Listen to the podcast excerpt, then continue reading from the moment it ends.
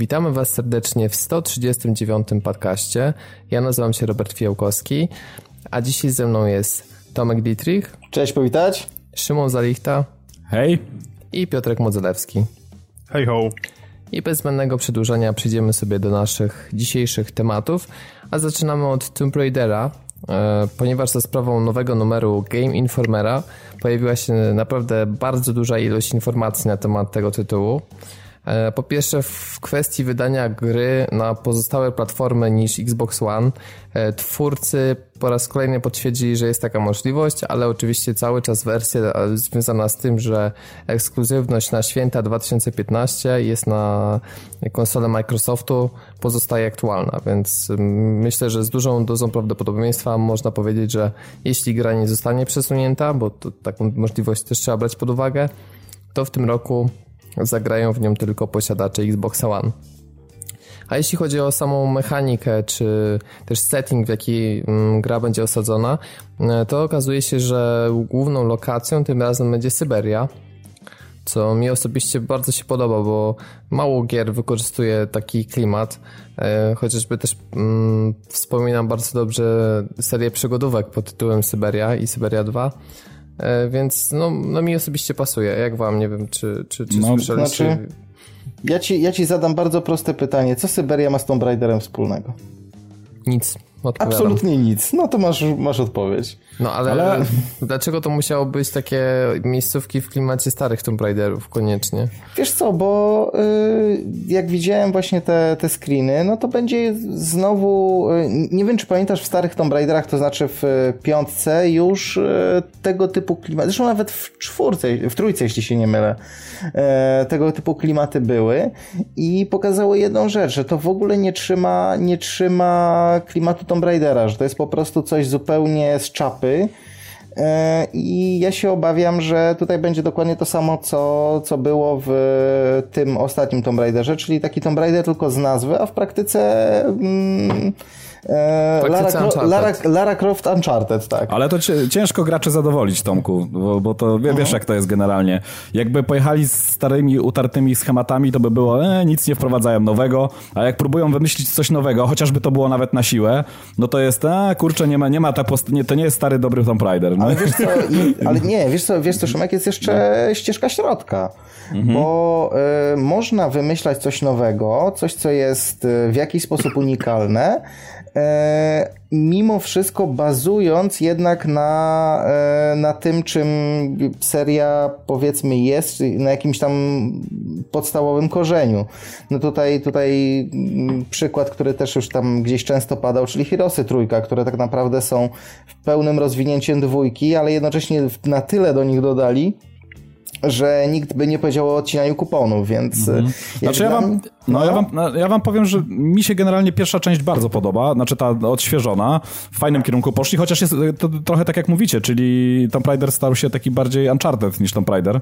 E... Znaczy wiecie co, mhm. ja powiem tak, Tomku, ty jak dla mnie po prostu nawiązujesz do czasów, w których Lara miała tak mało wielokątów, że i cycki były szpiczaste mhm. i ja nie chcę o tym w ogóle pamiętać, bo, bo to było dawno. Natomiast pierwszy, pierwszy Tomb Raider, ten nowy po, po reboocie mi się bardzo podobał, do tego stopnia, że go ukończyłem trzy razy na 100%. Ja, ja, ja e... dwa razy, także też mi się bardzo podoba. Widzisz, widzisz, mam większe doświadczenie, no. mogę mówić, jestem ważniejszy. Mhm. E, tak czy inaczej, podoba mi się setting na Syberii i z artykułów w Game Informerze wynikało, że to nie jest jedyna miejscówka, którą odwiedzimy, ponieważ ma być ich więcej, bo oni tam wspominali jeszcze właśnie o jakiejś dżungli mhm. e, i o czymś, co jest zawiane piaskiem, Ale... więc generalnie rzecz biorąc... Mhm to nie jest jedyny taki duży hub, który będzie właśnie do eksploracji. No tak, ale, ale, ale tutaj nie stawiał. Ale Syberia, no. ale Syberia podobno ma być głównym, właśnie ten, ten, ten najważniejszym. Startowym po prostu. Nie, nie właśnie nie głównym, będzie punktem nie startowym. Znaczy może się okazać, że będzie najwięcej czasu gry, tego jeszcze nie wiemy, ale mhm. póki co jest oficjalnie potwierdzone jedynie, że tam zaczniemy całą przygodę. To znaczy z tego, bo ja czytałem troszeczkę inny artykuł, e, oprócz tego, którym w tej chwili się posiłkujecie e, i tam było napisane, że Syberia prawdopodobnie właśnie będzie tym głównym polem działań i e, dlaczego tak twierdzą? Dlatego, że twórcy też wspominają o tym o takim survivalu, który ma być wprowadzony. Pamiętacie, w pierwszej części próbowali ten survival troszeczkę wkręcić w ten, e, w przemycić ten gameplay, tylko nie do końca to wyszło, bo niestety ograniczyło się to wszystko tylko do pierwszej lokacji i questa, który był na siłę wciśnięty, żeby tam upolować pierwszego zwierzaka. E, tutaj wyczytałem, że w drugiej części ma być większy nacisk na to. No ja mam niestety obawy co do tego, że, żeby się znowu to nie skończyło jak w jedynce, bo pomysł jest dość ciekawy, czyli E, nam przeżycie zagwarantuje nam tak naprawdę tylko i wyłącznie polowanie na zwierzęta e, oraz oczywiście unikanie tych takich, tego grubszego zwierza który, który tam ma stanowić jakieś tam większe zagrożenie dla, dla Lary. Ale jak to wyjdzie w praniu, zobaczymy. No pomysł mi się bardzo podoba, tylko no, z wykonaniem może być, mam nadzieję, że nie będzie tak e, kulało wykonanie jak w pierwszej części. Podobno będą także zmienne warunki pogodowe i cykl dobowy, co sugeruje, że lokacje mogą być nieco bardziej otwarte. I... To znaczy tam zacznijmy w ogóle od tego, że w związku z tym, że system craftingu jest teraz troszkę bardziej rozbudowany, to w Game Informerze też była wzmianka na temat, że w ogóle niektóre zwierzęta będą wychodziły tylko i wyłącznie w trakcie konkretnych pór dnia czy nocy, mm -hmm, tak, tak. więc no to, to może odgrywać taką dość poważną rolę. Tylko wiecie -hmm. co, jak tak e, mówicie o tych wszystkich informacjach, tak już pomijając to, co myślę o tym ostatnim Tomb Raiderze, e, to e, ja tam słyszę o wszystkim, tylko nie chociażby o zagadkach, myśleniu, czymkolwiek. Czyli... A to właśnie jeśli Ale... chodzi o zagadki, -hmm. to tutaj cię może zdziwimy, no, dlatego no. że twórcy zapowiedzieli, że ma być dużo większe na, dużo większy nacisk na zagadki niż e, w tej pierwszej odświeżonej odsłonie. Tak, tak, tak. Jest informacja potwierdzana, że tych e, grobowców, które e, były takim znakiem rozpoznawczym jedynki, jeśli chodzi o te zagadki, ma, być właśnie ich dużo więcej. Także to już jest potwierdzone na pewno. Będzie Nie, no, więcej jeżeli, kombinowania. Mhm. Znaczy powiem tak, jeżeli tych grobowców by było tak 10 razy więcej, fajnie. Ale i no tak no dobra, w dobrą stronę, tak czy siak. Nie, no. jasne, jak najbardziej, jak najbardziej. Znaczy, ja, tylko... ja mówię, ja teraz y, wiem już tyle, że na pewno tej gry na premierę to nie kupię, bo już na tym ostatnim się tak sparzyłem, że... Na pewno nie kupisz, bo nie będzie na premierę na PC. A, no, no, nie, ale mówię nawet na premierę, no, no, tak, ale to w tym momencie już będę wiedział z tych, z tych Xboxowych rzeczy, e, jak to wygląda, ale e, no... Znaczy, ja się bardzo o tą serię obawiam. Ja się, ja się boję, że z tego tym bardziej jeszcze zrobią coś, co w ogóle, tak jak powiedzmy ta, ta pierwsza, ta zupełnie rebootowana wersja była taka, e, no z Tomb Raiderem to to wiele wspólnego nie miało, tam były jakieś prześwity, tak się obawiam, czy tutaj nie będzie tak, że to już w ogóle będzie jakiś właśnie, e, na przykład, nie wiem, zmienne warunki pogodowe, większa otwartość, e, czy ten... Crafting to, bardziej rozbudowany. To wszystko brzmi fajnie ogólnie, jak, jak jako element jakiejś tam gry, tak? Tylko, że jak dla mnie to jest im jeszcze dalsze odejście od y, tego, czym przynajmniej dla mnie zawsze był Tomb Raider. No Tomek, ale przepraszam bardzo, czego ty w takim razie oczekujesz? Wiesz co, y, wydaje mi się, że można byłoby y, powiedzmy to, co zrobili w tym, w tym reboocie, raz, zwiększyć liczbę grobowców, ale nie tylko liczbę, bo liczbę, tu nawet nie chodziło o to, że ich było mało, tylko to, że zagadki, które w nich były, były raz, że oczywiste, dwa, że krótkie, trzy, że po prostu, no nie wiem, one urągały inteligencji nawet przeciętnie inteligentnego człowieka.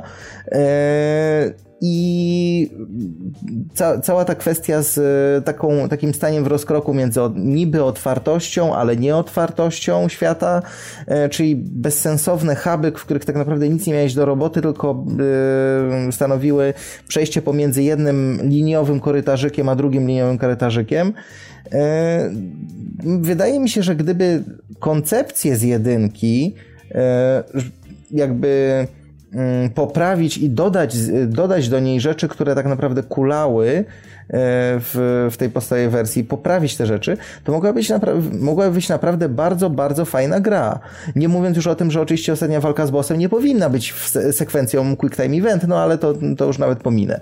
E, tylko da, no dałoby się to zrobić, a widzę, że tutaj mam wrażenie, że oni po prostu zupełnie jeszcze bardziej to rozstrzelają na różne, różne dziwne strony, e, tylko nie żeby tylko nie iść drogą taką powiedzmy Tomb Raiderową.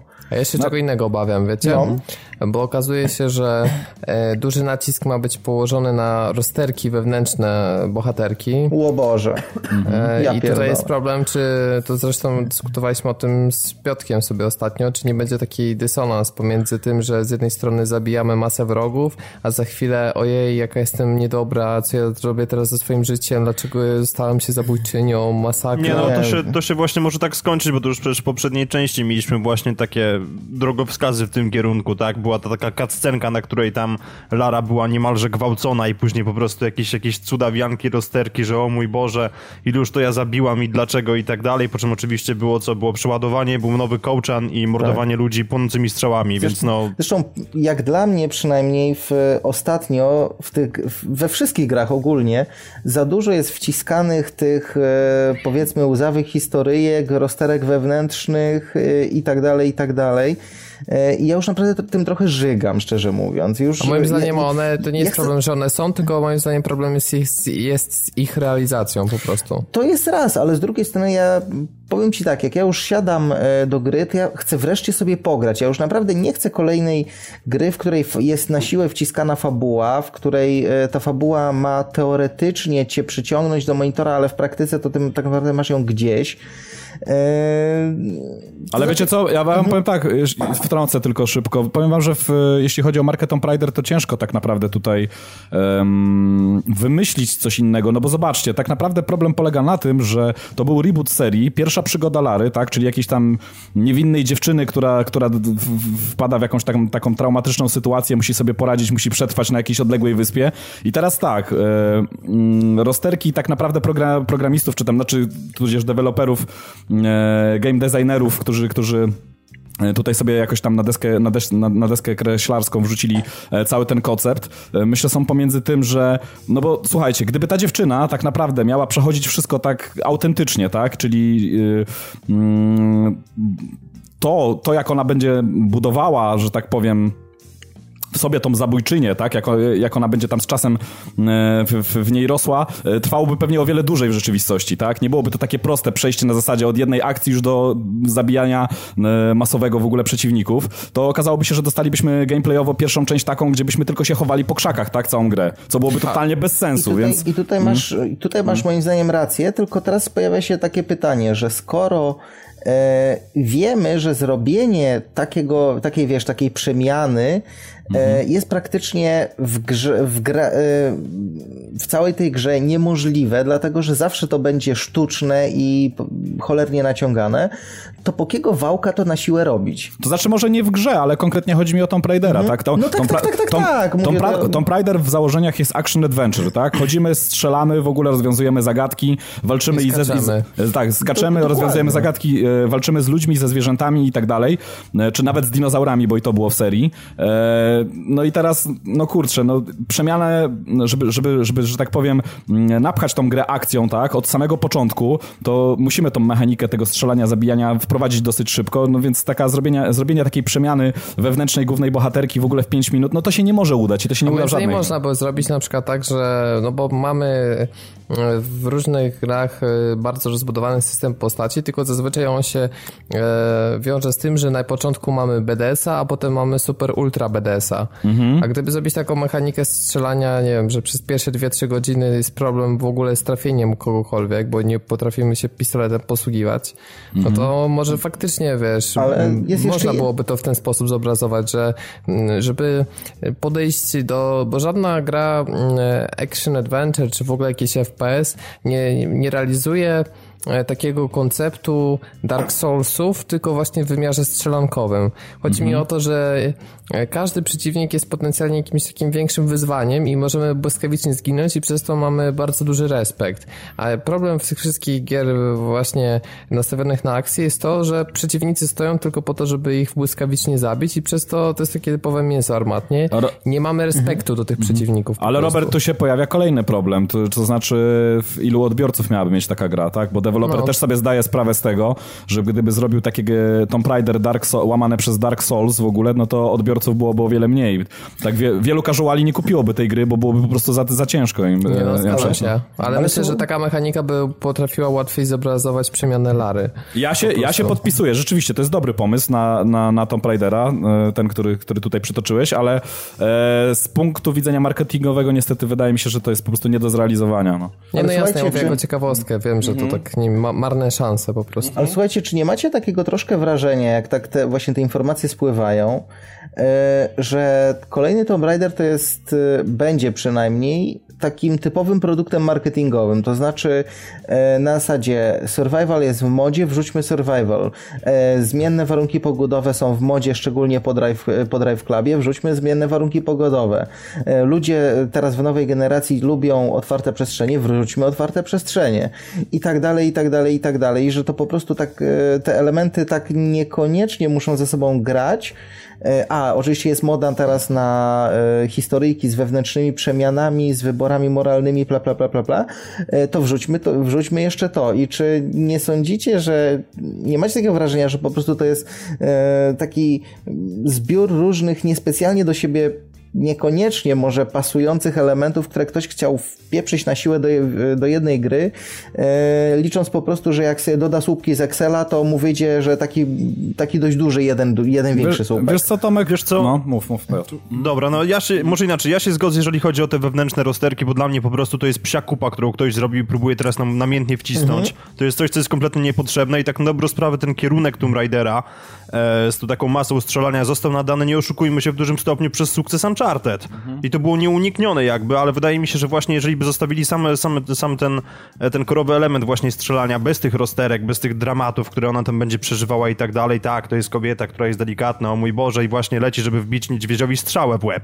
Więc no to coś trochę mija z celem. Natomiast wydaje mi się, że cała reszta, czyli to, co mówiłeś, tak, otwarte przestrzenie, zmienne warunki pogodowe, to jest może trochę w modzie, ale ta moda wynika po prostu z faktu, że wreszcie mamy warunki, żeby, żeby zagonić konsolę do zrobienia czegoś takiego. Nie, ja, też, ja, ja, ja, też myślę, że tu nie chodzi o modę, tylko bardziej chodzi o oczekiwania, tak, ludzi. I poza tym e, gry starają się, no, jak widzimy na przestrzeni lat, e, pójść gdzieś dalej. Znaczy to wychodzi lepiej lub gorzej, ale, ale są już teraz troszeczkę większe możliwości i no, jakieś oczekiwania też są pojedyncze. No jedynka e, musi być siłą rzeczy w czymś lepsza, tak? Nie może być nie może być dokładnie taka sama, a, a tym bardziej nie może być gorsza. Czyli, czyli warunków pogodowych nie było, no tutaj przydałoby się jednak je wsadzić, tak? E... Ja, mam, ja, mam, nadzieję, że, mhm. że, jedyn, że dwójka będzie e, owszem lepsza, ale w tych elementach, które dla tej serii są, znaczy no dla tej serii, przynajmniej tej rebootowanej serii niech będzie, e, w jakiś sposób korowe, to znaczy, e, no wiadomo, fajnie mieć zmienne warunki pogodowe, ale jeżeli e, nie będzie za tym szły właśnie lepsze grobowce, fajniejsze zagadki, ciekawsze strzelanie, które moim zdaniem w jedynce było fatalne, no to w tym momencie tym to... momencie, co, co z tego, że my to wszystko będziemy mieli, jeżeli... Wiesz co, no, no. ja jeszcze powiem tak, że moim zdaniem okej, okay, grobowce jak najbardziej, tylko żeby po prostu znowu nie było takiego idiotycznego momentu, w którym wchodzisz do grobowca, Oho. który był zamknięty przez ostatnie 13 1300 lat i następnie znajdujesz w nim części do upgrade'u swojej M4, bo to po prostu było takie no, badziewie. To jest, to jest trochę głupie. Nie wiem, kto to wymyślił, skąd to się wzięło, co, to więc się, no, to się, to się wzięło ze, z tego, że y, gry w zasadzie mm, musz, znaczy muszą, no nie muszą teoretycznie,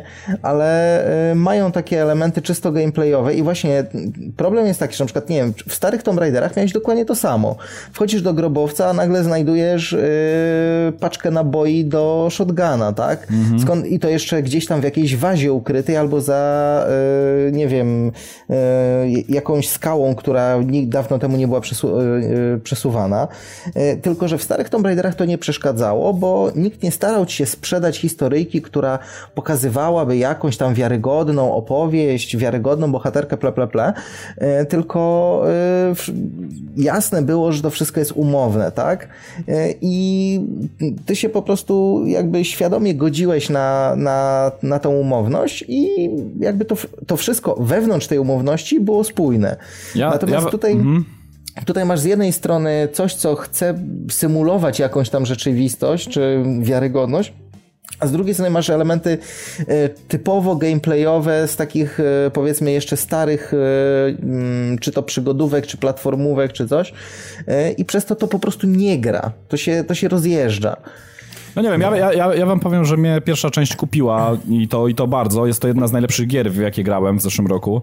E, I bardzo mi się podoba w to, w jakim kierunku idzie Tomb Raider. Oczywiście, no, to o wszystko, o czym mówimy, to jest prawda. Są pewne niedociągnięcia, do których można byłoby się przyczepić, ale jest to tylko gra, ma sprawiać frajdę. Mi sprawiała frajdę, bardzo, bardzo fajnie mi się i prze, e, przemierzało te, te przygotowane lokacje, rozwiązywało zagadki, mimo że one nie były jakieś specjalnie wymagające. Delikatnie e, mówiąc. No, delikatnie mówiąc, e, dość fajnie się strzelało. Historia była fajnie zamknięta, z fajnym potencjałem, fajnym rozwinięciem, znaczy z, fajnymi, z fajną możliwością rozwinięcia i ja myślę, że oni dostarczą. Nie, nie obawiałbym się specjalnie o tą markę. Myślę, że druga część, tak jak wcześniej powiedziałem, ona, ona na pewno będzie lepsza od pierwszej części. Oby tylko Lara zbyt często nie płakała podczas zabijania zwierzątek i e, oby ten survival wyszedł troszeczkę lepiej niż w jedynce, tak? Bo, bo w jedynce to niestety to było troszeczkę nieporozumienie. I, to tak i wtedy będzie okej. Okay. Tak jeszcze Wiesz zamykając dy dyskusję, czy jeszcze coś chciałeś dodać? Nie, no jeszcze chciałem dodać, że ja się jak najbardziej zgadzam z Szymonem. Mhm. E, tylko, że tutaj była taka dość zaskakująca sytuacja, w której po prostu mnie do Tomb Raidera dość mocno przyciągnęła grafika, nie oszukujmy się, ponieważ dostałem tą, tą grę do recenzji na PS3 i ukończenie jej... Oh, Boże, to po prostu była jakaś tragedia, ale to po prostu wynikało z faktu, że e, grafika dla mnie stała się po prostu bardzo silną, bardzo silną siłą napędową, tak? E, I dopiero właśnie na PS4 jakby dałem tej grze, tej, tej grze właściwą szansę. I właśnie wtedy mnie ona kompletnie do siebie przekonała. Natomiast, no tak gadamy, gadamy, ale tak na dobrą sprawę nie powiedzieliśmy ani słowa o fabule. Ale wiesz co, ja bym jednak zrezygnował z tego, bo są osoby, obchodzi? które po prostu nie chciałyby dokładnie zdradzać grając. Powiedzieliśmy minimalną stawkę. Ja bym chciał, bo już trochę lecimy na temat Tomb Raidera, a jeszcze mamy sporo tematów dzisiaj. E, chciałbym trochę bezczelnie uciąć i zamknąć jeszcze jedną ciekawostką techniczną, ponieważ dyskutowaliśmy sobie na temat tego, że gry starają się robić pewien postęp. I o ile technologia skanowania twarzy była bardzo mocno pociągnięta w LA Noir, to nie mieliśmy jeszcze gry na nowej generacji, która jakoś wybitnie do przodu postawiłaby poprzeczkę w tym temacie. E, no i sprawa może się zmienić właśnie wraz z premierą Rise of the Tomb Raider, ponieważ jest technologia, która nazywa się MOVA, pisane przez V, e, i to jest stosowana mm, metoda w performance capture, czyli wtedy, kiedy aktorzy odgrywają e, ruchy, które faktycznie znajdują się w cutscence w grze. I polega na tym, że na twarz aktora jest rozpylana specjalna farba fluorescencyjna, która daje 7000 punktów odniesienia później na komputerze. E, dzięki temu mimika jest dużo dokładniejsza, dlatego że przy tradycyjnej metodzie skanowania z punktami nakładanymi na twarz to jest 90 punktów. Tu 7000. Dobrze, ja nie chcę być więc... szowinistyczną świnią, ale czy ten magiczny spray można też rozpylić na inne części ciała. yy, nie wiem. Ponieważ, ponieważ wszyscy, którzy oglądali Californication i kojarzą Camille Luddington, która podkłada głos e, pod Larę, wiedzą, że nie, nie tylko twarz jest... Tak, tak. Chcieli, chcielibyśmy, żeby w to nowym Tomb Raiderze zagrała również ciałem. Tak, performance capture. Znaczy, może, może nie chodzi tutaj nie chodzi tutaj o to, co było w Wiedźminie trzecim, tak, więc 16, 16 godzin scenek e, czy, czy danych motion capture z, ze scen bardzo dużego zbliżenia, ponieważ Lara nie bardzo miała z kim, ale mhm. nie oszukujmy się, że wypadałoby w trakcie tej przygody na przykład, nie wiem, wykąpać się i... Mhm może nie chodzi tutaj o heavy rainowskie, tak, naciśnij X, żeby podnieść mydło. To znaczy, no... to znaczy, jeżeli to ma być na Syberii, to chyba nie wykąpać się, tylko bardziej natrzeć śniegiem, ale to też mogłoby być ciekawe. Ale wiesz co, generalnie, no to niektóre rzeczy by sterczały. E, tak czy inaczej, no jakieś gorące źródła, może coś tam, poza tym, wiesz, w tym, znaczy dobra, okej, okay, bo to już do fabuły chciałem przejść, nie, nie, nieważne. W każdym razie gorące źródło jest dobrą opcją. Dokładnie. To, to, mhm. to jeżeli Crystal Dynamics nas słucha, to ja mówię. I przy tym zostajemy, a teraz rzecz bardzo kontrowersyjna, ponieważ e, kolejny temat dotyczy Electronic Arts, a konkretnie szefa całego koncernu, niejakiego Richarda Hillmana. Czekaj, czekaj, czekaj, wróć. Muszę, mu, e, to jest szef... E, jak on się nazywa? No, on jest E, Chief Creative Officer. Creative Officer, czyli on nie... CCO. No dobra, no to Tak, nie jest tak, tak. CEO, tylko CCO, okej, niech będzie. Nie, bo E, już ci mówię, dlaczego ci przerwałem. Dlatego, że e, właśnie na grupie Pixela nagle, nagle znaleźli sobie temat e, użytkownicy, oczywiście, którzy twierdzą, że wszystkie portale są do bani i tylko Pixel i nic więcej, e, że niektórzy przetłumaczyli to jako dyrektor kreatywny i że to jest ogromny błąd i w ogóle tragedia. W związku z czym od razu ci, cię poprawiam, że tak, jest to jakiś ta, gość od kreatywnych. E, Znaczy tak, tyle. ale jest generalnie w zarządzie, czy tam Tak, tak, tak, tak, w tak, Radzie tak, tak, Nadzoru. tak, tak. No powiedzmy, że w zarządzie spółki, Bo czyli wiesz, członek to- zarządu spółki Electronic Arts, jeden z wysoko postawionych oficjeli, o tak mówiąc, stwierdził, że e, gry elektroników są wciąż trudne do nauki i że przeciętnemu graczowi e, potrzeba około dwóch godzin na to, żeby nauczyć się podstawowych mechanik e, gier. No i że to jest bardzo wymagające, żeby obecnie od klientów, którzy przecież e, mają normalne życie, pracę, żeby wymagać od nich aż dwóch godzin nauki tej mechaniki, w związku z czym e, jej planuje skoncentrować się na tym, żeby e, ta nauka mechaniki była prostsza. Krótko mówiąc, wiecie, żeby co mi się była wydaje? Mi się wydaje, że ta polityka była już jakiś czas temu e, wykorzystywana przez jej, ponieważ wszyscy pamiętamy wspaniałe quick time eventy z Need for Speed Run, które się opierały o wciskaniu trójkąta i wydaje mi się, że jeżeli EA kiedykolwiek odbije i zrobią konsolę, to będziemy mieli tylko jeden przycisk na, na kontrolerze. Ja się zastanawiam, czy Kliknij, nowa FIFA przypadkiem nie będzie miała dwóch przycisków. Podaj i strzelaj.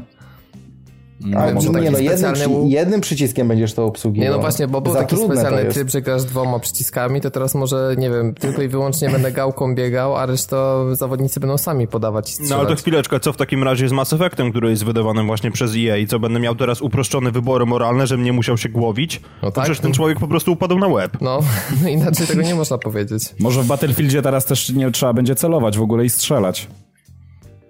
To też by było ciekawe rozwiązanie. Celo, celowali będą za ciebie, strzelali za ciebie, ty tylko czasami wciśniesz jeden czy dwa przyciski w przód i w tył. Oczywiście rozglądanie też będzie samo się robiło, bo to jest już za trudne dla graczy. Tylko ja, ja się teraz zastanawiam nad jedną rzeczą, czy e, to, elektroni- czy to elektronicy są e, naprawdę e, tak oderwani i, i nie wiem, myślą, że gracze są tak głupi, że dla nich te powiedzmy dwie godziny, gdzie tam dwie godziny w uczenia się mechaniki? Teraz tak naprawdę godzina wystarczy w większości gier, a tym bardziej gier od elektroników. Ja jeszcze przepraszam, że przerwę. Może to jest po prostu kwestia tego typu, że EA planuje w końcu skrócić swoje gry do poniżej dwóch godzin i po prostu nie zdążyłby się nauczyć mechaniki w momencie, kiedy by się kończył. Tak, I chcesz, Tak, zrzucić, może- i, ch- I chcesz zrzucić winę na graczy. Tak. Oczywiście. No tak, bo to gracze oczywiście są e, zbytnimi idiotami, żeby się nauczyć ich mechaniki, tak? Może po prostu wizja EA opiera się o 90 minut z trzema blokami reklamowymi w międzyczasie. Ale mnie nie przestaje rozwalać, że na przykład taki Battlefield, czy nie wiem, Killzone, dowolna inna strzelanka, jak zaczynamy grać, to e, zaczyna od tego, że rusz lewą gałką, żeby tam patrzeć góra dół, rusz prawą, żeby patrzeć lewo prawo. No, na tej zasadzie, że po prostu e, tak jakby każda gra była dla kogoś, przynajmniej dla jednej osoby, pierwszą grą w życiu i trzeba kompletnie wszystko, ale to wszystko wyjaśnić. Ale słuchajcie, to jest bardzo prosta na to zawsze y, metoda. Opcjonalny tutorial, niezwiązany z fabułą. Chcesz sobie go przejść, to sobie go przejdź, niech on sobie trwa nawet i półtorej godziny. Y, A nie chcesz go przejść, bo wiesz, że y, w strzelanki na przykład grałeś już tyle razy, że domyślisz się, że ten i ten przycisk odpowiada za chodzenie, a ten i ten przycisk odpowiada za granat, a po drugie to trzeba przeładować y, od czasu do czasu i zwykle robi się to R-em przynajmniej na PC-cie, y, to możesz sobie ten tutorial, tutorial pominąć, więc... Tomek, ja bym poszedł jeszcze dalej o krok od tego tutorialu w ogóle. W, pewnym momencie, No. kiedy zaczęły się pojawiać bardziej, że tak powiem, mm, masowo e, gry dla casuali, no był taki podział, tak? Były gry dla graczy, którzy już są troszeczkę zaprawieni w boju i gry dla casuali. Ten podział powinien pozostać. I ja myślę, że też powinno pójść taką drogą, wypuszczać gry i takie, i takie, proste. Jeżeli chcą trafić do szerszej publiczności jakimś tytułem, grę tam maksymalnie uprościć, e, skierować ją tylko i wyłącznie do casuali, to niech Tak zrobią taką grę. Heroes, niech wydadzą to na konsolę i na przykład i, i, albo nawet zrobią właśnie takiego kreskówkowego Battlefielda, totalnie arcade'owego, gdzie w sumie nie musisz się niczym martwić, tylko tam Dokładnie. strzelasz, przeładowujesz, jest godzinny tutorial wyjaśniający ci jak strzelać, rozumiesz? Ale wiesz co, z tym... Mi się wydaje... No, no, mów, no mów Tomek, Aha. mów, mów. Z, ty, mów. z tym jest jeden taki czysto psychologiczny problem, dlatego że e, większość tych takich typowych casuali, tych mówię takich naprawdę, dla których e, to, że poznałem takiego jednego gościa, dla którego e, zmiana, leciutkie zmiany w Advanced Warfare, mówię najnowszym Call of Duty, były nie do przeskoczenia, bo on stwierdził, że on się nie jest w stanie nauczyć tej mechaniki. E, i to jest autentyczny przykład, gdzie ta gra jest praktycznie taka sama, z drobnymi różnicami. E, To mm, tacy ludzie najczęściej, oni chcą grać w gry proste, żeby e, jakoś za bardzo się nie przemęczać, ale z drugiej strony oni chcą czuć, że grają w gry poważne. I tu, I tu się zaczyna szkopu, że jeżeli dałbyś im na przykład takiego właśnie Battlefield Heroes, to oni by czuli, że y, grają w gry dla dzieci. A tak y, jak na przykład dasz im takie, nie wiem, najnowsze Call of Duty, to oni grają w grę dla dzieci, myślą, że, że grają w grę dla hardkorowców. Ale wiecie co, ja wam Cześć, przytoczę, ja, ja, wam, ja wam przytoczę z, e, przykład z mojego życia, tak? No, no. E, Generalnie mam bardzo mało czasu na granie w tej chwili, bo bo mam grafik, że tak powiem, dość napięty e, każdego tygodnia i tego czasu jest bardzo mało. Często gram tak naprawdę kosztem snu e, i nie sądzę, żeby EA wy, wy, tutaj wyciągało do mnie pomocną dłoń w ogóle w postaci zaniżenia poziomu trudności, skrócenia czasu gry, po to tylko, żebym ja mógł tytuły zaliczać jeden za drugim, tak? Bo ponieważ mam mało czasu na, na, na, na te tytuły. Jest to totalna jakaś bzdura i e, ja nie chcę takich gier i na pewno na taki, tego typu gier bym na pewno nie kupił, tak? Wolę sobie oczywiście, e, wiąże się to, że tak powiem, mój tryb życia, tak? Pracy i, i w ogóle rodziny i tak dalej, wiąże się z tym, że, że w tym momencie jeden tytuł zaliczam nawet i miesiąc, tak? E, A nie powiedzmy trzy dni, jak, jak zrobiłbym to normalnie, dysponując powiedzmy większą, większą ilością czasów, ale trudno, no. Ja sobie tą grę zaliczę na spokojnie w miesiąc czasu i mm, nikt mi tutaj nie musi, że tak powiem, ucinać czegoś, czy ułatwiać, e, żebym, żebym ja był jakoś, nie wiem, bardziej zadowolony z tytułu. Wręcz przeciwnie, to by zadziałało, zadziałało wręcz odwrotnie. No tak, ale wiecie co, wydaje mi się, że teraz spadliśmy w e, taką pułapkę, że z jednej strony mamy takie podejście w stylu kampanii w Call of Duty czy Battlefieldzie i gry, które mm, na bardzo krótko będą starczać, właśnie z większą fabułą, e, z takim przeżyciem filmowym i idealne dla takich tatuśków, którzy są zapracowani, nie mają czasu, a z drugiej strony mamy gry takie w stylu, nazwałbym Ubisoftowym, czyli mamy wielki otwarty świat, pięć mechanik, które są pierdyliard razy powtórzone i gra, która sztucznie nabija 100 godzin, z czego y, przez 5 godzin robimy oryginalne rzeczy, a kolejne 95 napieprzamy tą samą mechanikę w kółko. I ja szczerze mówiąc tak patrzę na jedną i patrzę na drugą i ani jedna, ani druga mnie nie zadowala. Brakuje mi trochę takich gier środka, które m, pozwalają na rozgrywkę na przykład od 15 do 30 godzin i, są takim właśnie no, złotym środkiem, że przy średniej czy małej ilości czasu te 2-3 tygodnie sobie taką produkcję zaliczymy. E, Tylko musimy już mieć albo ogromny świat i po prostu marketingowe 200-300 godzin prawie, że albo grę, która no, trochę obraża e, pojemność dysku i po prostu no, nie jest warta na pewno przy premierze zakupu za 250 zł, bo jest tak krótka. No dokładnie, dokładnie. Znaczy generalnie jeśli chodzi o te nowe pomysły tego CCA, CCO, tak? CCAO? E, CCO chyba wychodzi, CC, no. Tak, CCO od e, EA. E, tak, facet generalnie go fuck yourself w ogóle z takimi pomysłami i ja podejrzewam, że większość graczy tych takich powiedzmy korowych którzy, którzy, którzy grają w, którzy chcą grać w gry e, tak, jakie były produkowane jeszcze powiedzmy kilka lat temu, e, no odsuną się po prostu od EA i przestaną kupować, także pff, to, tak naprawdę rynek zweryfikuje i myślę, że bardzo szybko tego typu pomysły. To przejdziemy sobie do kolejnego tematu, ponieważ dostaliśmy od Activision garść informacji na temat przyszłości Destiny. Po pierwsze, wraz z raportem finansowym wydawca pochwalił się, że jest już ponad 16 milionów zarejestrowanych użytkowników. Cokolwiek to znaczy. Dokładnie, no ale... Absolutnie nic, bo- ale okej. Znaczy, no, wydaje mi się, że ważniejsza byłaby liczba aktualnie grających, chociaż ona i tak była imponująca wtedy, kiedy informowali, że ponad 3 miliony. Pewnie teraz jest już mniej, ale tak czy siak e, wydaje się, że grę przynajmniej te kilkanaście milionów osób zakupiło. Nawet No ja- jeśli wątpię, ja- żeby to było te 16, które podają. Ja jestem jednym z tych użytkowników, którzy się zarejestrowali i w ogóle w grę nie grają. Mhm. No jasne, no pewnie spora część takich no. jest. Mhm. Jeśli chodzi o inne dane Activision, to e, zanim przejdziemy dalej do Destiny, to e, Hearthstone ma 25 milionów zarejestrowanych kont i obydwie te produkcje wypracowały 450 milionów dolarów przychodów, więc mm, no myślę, że jest, jest to całkiem zyskowne, chociaż pamiętajmy, że e, koszt Destiny, cały, cały ten kontrakt na 10 lat to obejmuje wydatki rzędu 500 milionów dolarów. Więc... Ale czy, czekaj, czekaj, szybkie pytanie takie. E, czy Hearthstone korzysta z tych samych kont, które są do Diablo, do StarCrafta i tak dalej, i tak dalej. I ciekaw jestem, jak oni to liczą. Czy, znaczy liczą konta, na których... które mają dopisane do swojej biblioteki gier e, Hearthstone'a, tak mi się wydaje. Ale wszystkie mają automatycznie, z tego co pamiętam. No ale to wydaje mi się, że musieliby to po prostu liczyć, że na zasadzie, że ktoś pobrał, grał chociaż pewnie chwilę. Pewnie tak, pewnie tak. Nie, nie tak tylko to, to, to, taka ciekawostka, tak mi nagle przyszło do głowy, że ciekaw jestem jak to liczą, czy, e, czy to jest tak, czy, takie czysto, czysto marketingowe zagranko, czy, czy rzeczywiście 25 milionów ludzi chociażby raz to rzeczywiście pobrało. Ale to no, tak, to, tak dygresja, sorry. Jasne, to jeszcze tylko ostatnia dygresja, że e, World of Warcraft e, dalej sobie radzi świetnie, ponieważ ma 10 milionów abonentów, a ostatni dodatek sprzedał się w ciągu 24 godzin w nakładzie 3,3 miliona egzemplarzy. Więc jeśli ktoś no, myślał, grubo, że to już grubo. koniec e, modelu abonamentowego i WoW odchodzi już do lamusa, no to myślę, że jeszcze ładne parę lat ich czeka koszenia i myślę, że nie ma absolutnie mowy o tym, żeby gra w najbliższym czasie przeszła na model free to play mimo że już 10 lat stuknęło.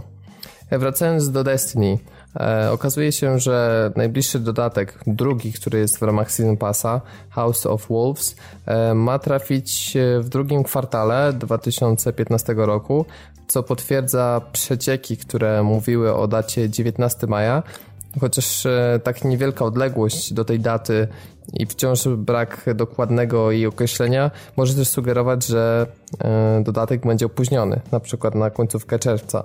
No dobrze, tylko moje pytanie teraz jest, co oni u Diabła mają opóźniać, skoro jest to content, który został wycięty z gry?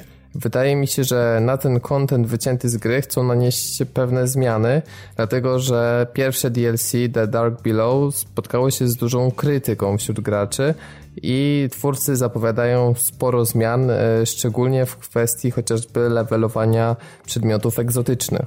I wydaje mi się, że pracują po prostu nad doszlifowaniem tego typu mechanik w ostatecznym produkcie. Natomiast jeśli ktoś liczy na to, że nie wiem, będzie inny przebieg misji, inny sposób prezentacji fabuły, to już raz słyszeliśmy o takich zapowiedziach i wiemy, jak to się skończyło, więc w tym aspekcie bym absolutnie żadnej rewolucji się nie spodziewał. E, przy okazji mm, wydawca potwierdził także, że duży dodatek, który prawdopodobnie będzie miał też e, wersję pudełkową, pojawi się e, w drugiej części 2015 roku. No, ciężko powiedzieć, czy to będzie jesień, wrzesień, październik. Równie dobrze może to również się opóźnić. E, I ostatnia jeszcze informacja e, dotycząca e, graczy, którzy regularnie się logują. Otóż jeszcze w lutym ma się pojawić nowy patch, który ma za zadanie zrobić totalny rebalans wszystkich broni w grze. I między innymi Pulse Rifle mają zostać znacznie wzmocnione. Kolejny nerf, czyli osłabienie czeka Auto Rifle, oraz Fusion Rifle przy dalszych dystansach, z tego co tutaj czytam. E... Oraz ma być wzmocnienie shotguna bodajże, tak? W, trybie, w jakimś trybie. Tak, w trybie PvE, czyli po prostu walce z e, komputerowymi przeciwnikami, e, shotguny mają zadawać 100% więcej obrażeń. Nie, i generalnie rzecz biorąc wszystko jest elegancko, tak? Tylko moje pytanie polega na tym, dlaczego Bungie uparcie stara się nam popsuć tą grę. To znaczy? Bo, bo dla mnie to jest po prostu.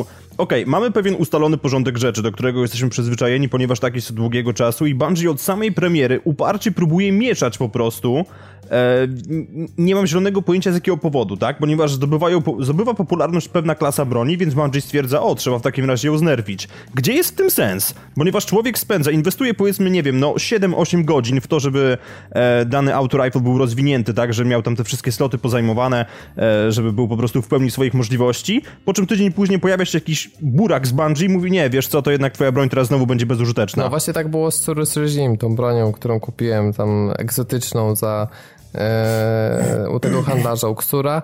No i ostatecznie wyszła taka sytuacja, że no znacznie zmniejszyli e, po prostu szybkość prowadzonego ognia, obrażenia i teraz będzie kolejny nerf i w sumie już chyba ta broń jest do śmietnika, do wyrzucenia. No a właśnie o to chodzi, że to jest kompletnie bez sensu. Znaczy może inaczej, no zrozumiałbym taki krok, co prawda on byłby potwornie hamski, ale zrozumiałbym taki krok w momencie, kiedy oni sprzedawaliby nam bronię w ramach mikrotransakcji za prawdziwe pieniądze to byłoby, to oczywiście by się spotkało z olbrzymim oburzeniem, ale miałoby jakieś znamiona sensu, a tymczasem inwestujesz czas. Ja przed chwilą sprawdziłem, to jest e, w moim wypadku utopiłem w Destiny prawie 400 godzin. tak czy inaczej. Kwestia jest taka, że inwestujesz naprawdę od groma czasu tylko po to, żeby następnie jakiś kutas za przeproszeniem, któremu wepchnąłeś pieniądze do kieszeni kupując tą grę, powiedział nie, wiesz co, zepsuje ci przyjemność rozgrywki. Ale wiecie co, nie, ja, wydaje mi się, że nie byłoby problemu, gdyby e, wszelkie zmiany, czy e, prowadzące do e, balansu rozgrywki były wprowadzane tylko w, przy rozgrywkach PvP. No bo jednak, no tak, dobrze, dobrze, by, dobrze by było, gdyby balans występował e, pomiędzy graczami, żeby ktoś się nie musiał wkurwiać, że jego broń jest w ogóle całkowicie do dupy, a ktoś inny e, tak naprawdę ściąga każdego jednym strzałem, bo to kompletnie nie miałoby sensu w rozgrywkach PvP. Tylko po co wprowadzać jakiś taki bezsensowny balans do, do, do, do rozgrywki tej PvE, co jest kompletnie bez sensu. Jeżeli zdobyłeś super broń, która w ogóle pozwala ci ubić bossa w 3 sekundy, to okej, okay, zdobyłeś, natrudziłeś się, ta broń jest twoja i tak powinno pozostać. Mhm, dokładnie tak, ja też się z tym zgadzam, e, dlatego że jeśli 25% wszystkich zabójstw jest jednego rodzaju broni, no to to jest trochę dużo w momencie przy, przy tej liczbie rodzajów, jakie występują. E, natomiast no, Bungie pokazuje, że może przecież zrobić oddzielne zmiany dla trybu PvE, oddzielne dla PvP, bo przecież z shotgunami właśnie to się dzieje. Przy czym ja osobiście nie widzę sensu w zachęcaniu graczy do grania shotgunem, dlatego że yy, Destiny ma taką specyfikę, że nawet jak mamy bardzo wysoko rozwiniętą postać, to przy zmasowanym ataku przeciwników możemy dosyć szybko stracić nasze życie, w związku z czym podchodzenie na bardzo bliski dystans i strzelanie z shotguna, no myślę, że ma raczej mało sensu. Ale Dlatego, poza tym... Mhm. Nie ma takiej... Yy, nawet y, postać Tytana nie jest takim typowym tankiem z punktu widzenia MMO, który może przyjąć na siebie masę obrażeń i który bez problemu mógłby właśnie podchodzić na bliski dystans i kosić wrogów. Ale powiedzcie mi w ogóle, jaki to ma sens, bo e, ktoś tam, no, no mówię, ostro chyba myśli i kombinuje nad tym balansem w ogóle w, w trybie PvE, e, żeby tabelki mu się zgadzały, czyli żeby każdy rodzaj broni jakby procentowo mm, e, odnosił się mm, identycznie do, do, do, do tej całości używania broni w ogóle względem każdej innej broni. I nie wiem, czemu to ma służyć. Jeśli osiągną balans idealny i każda broń będzie w takim samym stopniu używana, używana czemu to ma tak naprawdę służyć? Bo ja myślę, że oni sami tego nie wiedzą, no. ponieważ tak na dobrą sprawę, wiesz, system, system broni w Destiny momentami kompletnie nie ma sensu, ponieważ w momencie, kiedy mam w swoim ekwipunku e, rakietnicę, i, i handcanona, które mają taki sam właśnie damage, który zadają, no to coś jest nie tak. Mhm. Bo to po prostu tak nie działa, więc ja nie bardzo wiem, po co są w ogóle te cyferki i, i jaki jest sens ich istnienia w momencie, kiedy tak na dobrą sprawę to się nijak ma do gameplayu, bo masz, masz pierdyliard modyfikatorów i co z tego, że jeżeli, że, że bazowa wartość jest taka, skoro de facto obrażenia zadajesz inne i to każdej klasie postaci. To jest, więc no to... to jest raz, a druga sprawa, moim zdaniem Bungie mylnie zakłada, że procentowy rozkład wykorzystania danych rodzajów broni wynika z ich mocy, a moim zdaniem wynika bardziej z tego, jaki jest, jaki jest level design i w jaki mhm. sposób są wrogowie e, zaprojektowani. Więc no jeśli tak. chcieliby zrobić zmiany w trybie PvE, to uważam, że powinni od strony e, na przykład zadawanego damage'a przez wrogów na przykład, nie wiem, osłabić im tarczę, czy spowodować, że mają słabszy pancerz na bliski dystans i w ten sposób zachęcić graczy do grania shotgunem, a nie zrobić w taki sposób, że podbijamy o 100% moc y, shotguna, bo to jest moim zdaniem pójście na skróty i żadnego problemu w grze nie rozwiązuje. No tak i zdecydowanie masz rację, ponieważ nie oszukujmy się, że tak wysoki udział procentowy autorifli wynika z faktu, że są one po prostu wygodne. Więc no Nie, naprawdę, moim zdaniem Bungie postradało zmysły już doszczętnie i to się dobrze nie skończy. Bungie... Idę, Bungie... idę o zakład po prostu, że minął trzy tygodnie może i na forach Bungie się rozpędza, rozpęta się po prostu taki shitstorm, że oni wrócą do starego balansu albo jeszcze go zmienią tak, żeby, żeby obecnie używane bronie miały wyższy damage. Bungie Janusze game designu. Tak, przy czym e, jeśli chodzi o zmiany do PvP, tu akurat bronie, bo moim zdaniem one są w dobrym kierunku. Dlatego, że w tym momencie poszczególne rodzaje nie są zbalansowane. I teraz możemy sobie płynnie przejść do ostatniego naszego dzisiejszego tematu, bo później będziemy omawiać już e, gry i sprzęt. E, mianowicie Sony Online Entertainment zostało sprzedane i nie nazywa się już w ogóle Sony coś tam, dlatego że została otworzona zupełnie nowa marka, czyli Daybreak Game Company, która będzie niezależnym podmiotem, już bez wsparcia Sony, no i prawdopodobnie wyda swoje produkcje także na przykład na Xbox One, bo na PC już wy, wydawali, czy na, I na sprzęty mobilne. Właśnie. Dokładnie, więc być może to oznacza, że takie gry jak EverQuest, Planet Side 2, e, DC Universe Online, czy na przykład ostatnio kontrowersyjne i słabe H1Z1 trafią także na Xbox One. E, no wow, i teraz pytanie wow. do ciebie, Szymonie, czy cieszysz się, że tak znakomity i znamienity po prostu napływ świetnych produkcji czeka twoją ulubioną konsolę? Znaczy ja wam powiem, że to jest taka burza, burza w szklance wody tak naprawdę, bo nie jest to jakiś, e, nie był to producent, nie był to jakiś podmiot produkujący jakieś tytuły urywające dupy po, dupę poza Planet Side 2, który bardzo mi się podoba z tych gameplay, które do tej pory oglądałem. Jest to ciekawy koncept. Ja lubię takie futurystyczne szczela, szczelanki, e, takie tam laster, lastery, blastery. Mm, jest jestem fanem Halo, więc wiadomo. E, I powiem wam, że ten tytuł chętnie bym przytulił. Cała reszta, jak tak przeglądałem ich dorobek, nie jest jakaś powalająca. I myślę, że tutaj e, z jednej strony posiadacze mm, Xboxa czy tam telefonów chyba nie za bardzo mają się z czego cieszyć, a z drugiej strony, że tak powiem, miłośnicy Sony też nie, nie, nie mają tutaj jakichś powodów do bólu dupy, bo tak naprawdę mm, tutaj z tego line-upu Sony niewiele traci. Nie, nie, także myślę, że to jest taka, taki znaczy, news... Znaczy Sony generalnie mm. nic nie traci, bo te gry nadal będą wychodzić na PlayStation 4 chociażby, no tak, tylko tak, po prostu nie będą już e, miały wyłączność konsolową. Tak, wiesz, wiesz tak co Robert, tylko powiem ci, że już z, zaobserwowałem na, na, na dwóch różnych forach y, ludzi, którzy niemal sobie tam, wiesz, y, rwali włosy z klaty, że o Boże, jak to jest możliwe, że Sony się tak sprzedaje, w ogóle sprzedaje swój oddział, w ogóle teraz e, gry będą wychodziły na, na, na, na tego szatańskiego, demonicznego Xboxa, w ogóle wroga, wroga numer jeden, o nie. 2 na 10. I, tak, tak, 2 na 10 i w ogóle jak Sony mogło i to jest zdrada i wiesz, także no, są takie głosy i myślę, że to jest kompletna jakaś bzdura i nie, nie wiem dlaczego. na tym momencie. To jest bzdura, tak. to jest bzdura kompletna chociażby z tego względu. Ja bym zrozumiał takie krzyki w momencie, kiedy powiedzmy, nie wiem, Sony by sprzedało Naughty Doga i by się mm. nagle okazało, że Uncharted. No tak. Tak jak mm. niektórzy na naszej grupie manipulują po prostu mm. i fabrykują pewne obrazki, pragnę zauważyć. tak, tak. Mamy, tak. mamy takiego jednego mistrza, tak. Mamy, mamy. Ja już tak, tak, pozdrawiamy Pozdra zdecydowanie. Pozdrawiamy, Natomiast no. no, kwestia jest taka, że gdyby rzeczywiście został sprzedany jakiś taki deweloper, który coś, coś znaczy, tak, i stanowi właśnie jakiś taki core dla, dla PS4, to bym zrozumiał te krzyki, no ale ludzie, dajcie spokój, H1Z1, które wcześniej wyjdzie na PC-ty. Mm -hmm. no. no. właśnie, no nikt nie będzie płakał ty, ty nawet po tej grze, sorry. Dla mnie abstrakcyjne jest to, że e, mniej przyjemnie gra mi się w grę, dlatego że już nie jest ekskluzywna, ale wyjdzie też na konkurencyjną platformę. Nie, no to w takim wypadku po prostu kupienie The Rise of the Tomb Raider na, na 360, na ten, na, na Xbox One się kompletnie będzie miało z celem, jak wyjdzie na PS4, bo to już żadna przyjemność z gry, no. no nie, no dokładnie, tak. znaczy nie, to trzeba szybko przejść, zanim wyjdzie na PS4, bo potem to już, wiesz, do Tak, do i polecieć na, fo polecieć na fora i zaspoilować innym, jak się kończy. O, tak, o, tak, tak. To tak. jest najważniejsze, tak, pamiętajcie spo, o tym. Spodziewam się właśnie takich trollowych zachowań w internetach. No na pewno e, będą. Dobrze, to tyle w kwestii omawianych tematów. Przejdziemy sobie do obiecanych gier. I tak się śmiesznie składa, że dzisiaj mamy dla was trzy wersje beta e, gier i zaczniemy sobie od największej, najbardziej szumnej i medialnej bety Battlefield Hardline którą jak się składa graliśmy na e, wszystkich nowoczesnych platformach, tak to określając. dlatego, że, no tak. dlatego, że e, Tomek zagrał na PC, e, Szymon na Xboxie One, a mhm. ja na PlayStation 4. Ty Piotrek z tego co wiem w ogóle e, nie ściągałeś nawet, tak? To znaczy, ja w minionym tygodniu miałem taką dość intensywną sesję, to jest raz, a dwa, że Battlefield Hardline, a.k.a. Bad Boys The Game, jak już mówiłem, totalnie mnie nie rusza i z tego co słyszałem, to zrobiłem dobrze, że tego nie pobierałem. No myślę, tak. że zrobiłeś dobrze, dlatego że nawet osoby, które są zainteresowane serią Battlefield i ją lubią, chociażby takie jak ja, po zagraniu w ów e, nie do końca fantastyczną produkcję, mówiąc bardzo dyplomatycznie, po graniu tej bety po prostu się do zakupu absolutnie zniechęciły i tak jak nie planowałem zakupić Hardline'a, tak teraz mogę powiedzieć, że jeszcze bardziej nie planuję. Bo tutaj... I pytanie do chłopaków właśnie mm. do mhm. Tomka i może Aha. od Tomka zaczniemy. Tak, tak, jak, tak. Mhm. jak twoje wrażenia na PC-cie? Znaczy słuchaj, moje, e, moje wrażenia są takie, że to się powinno nazywać Battlefield 4 Hard, e, Hardline DLC.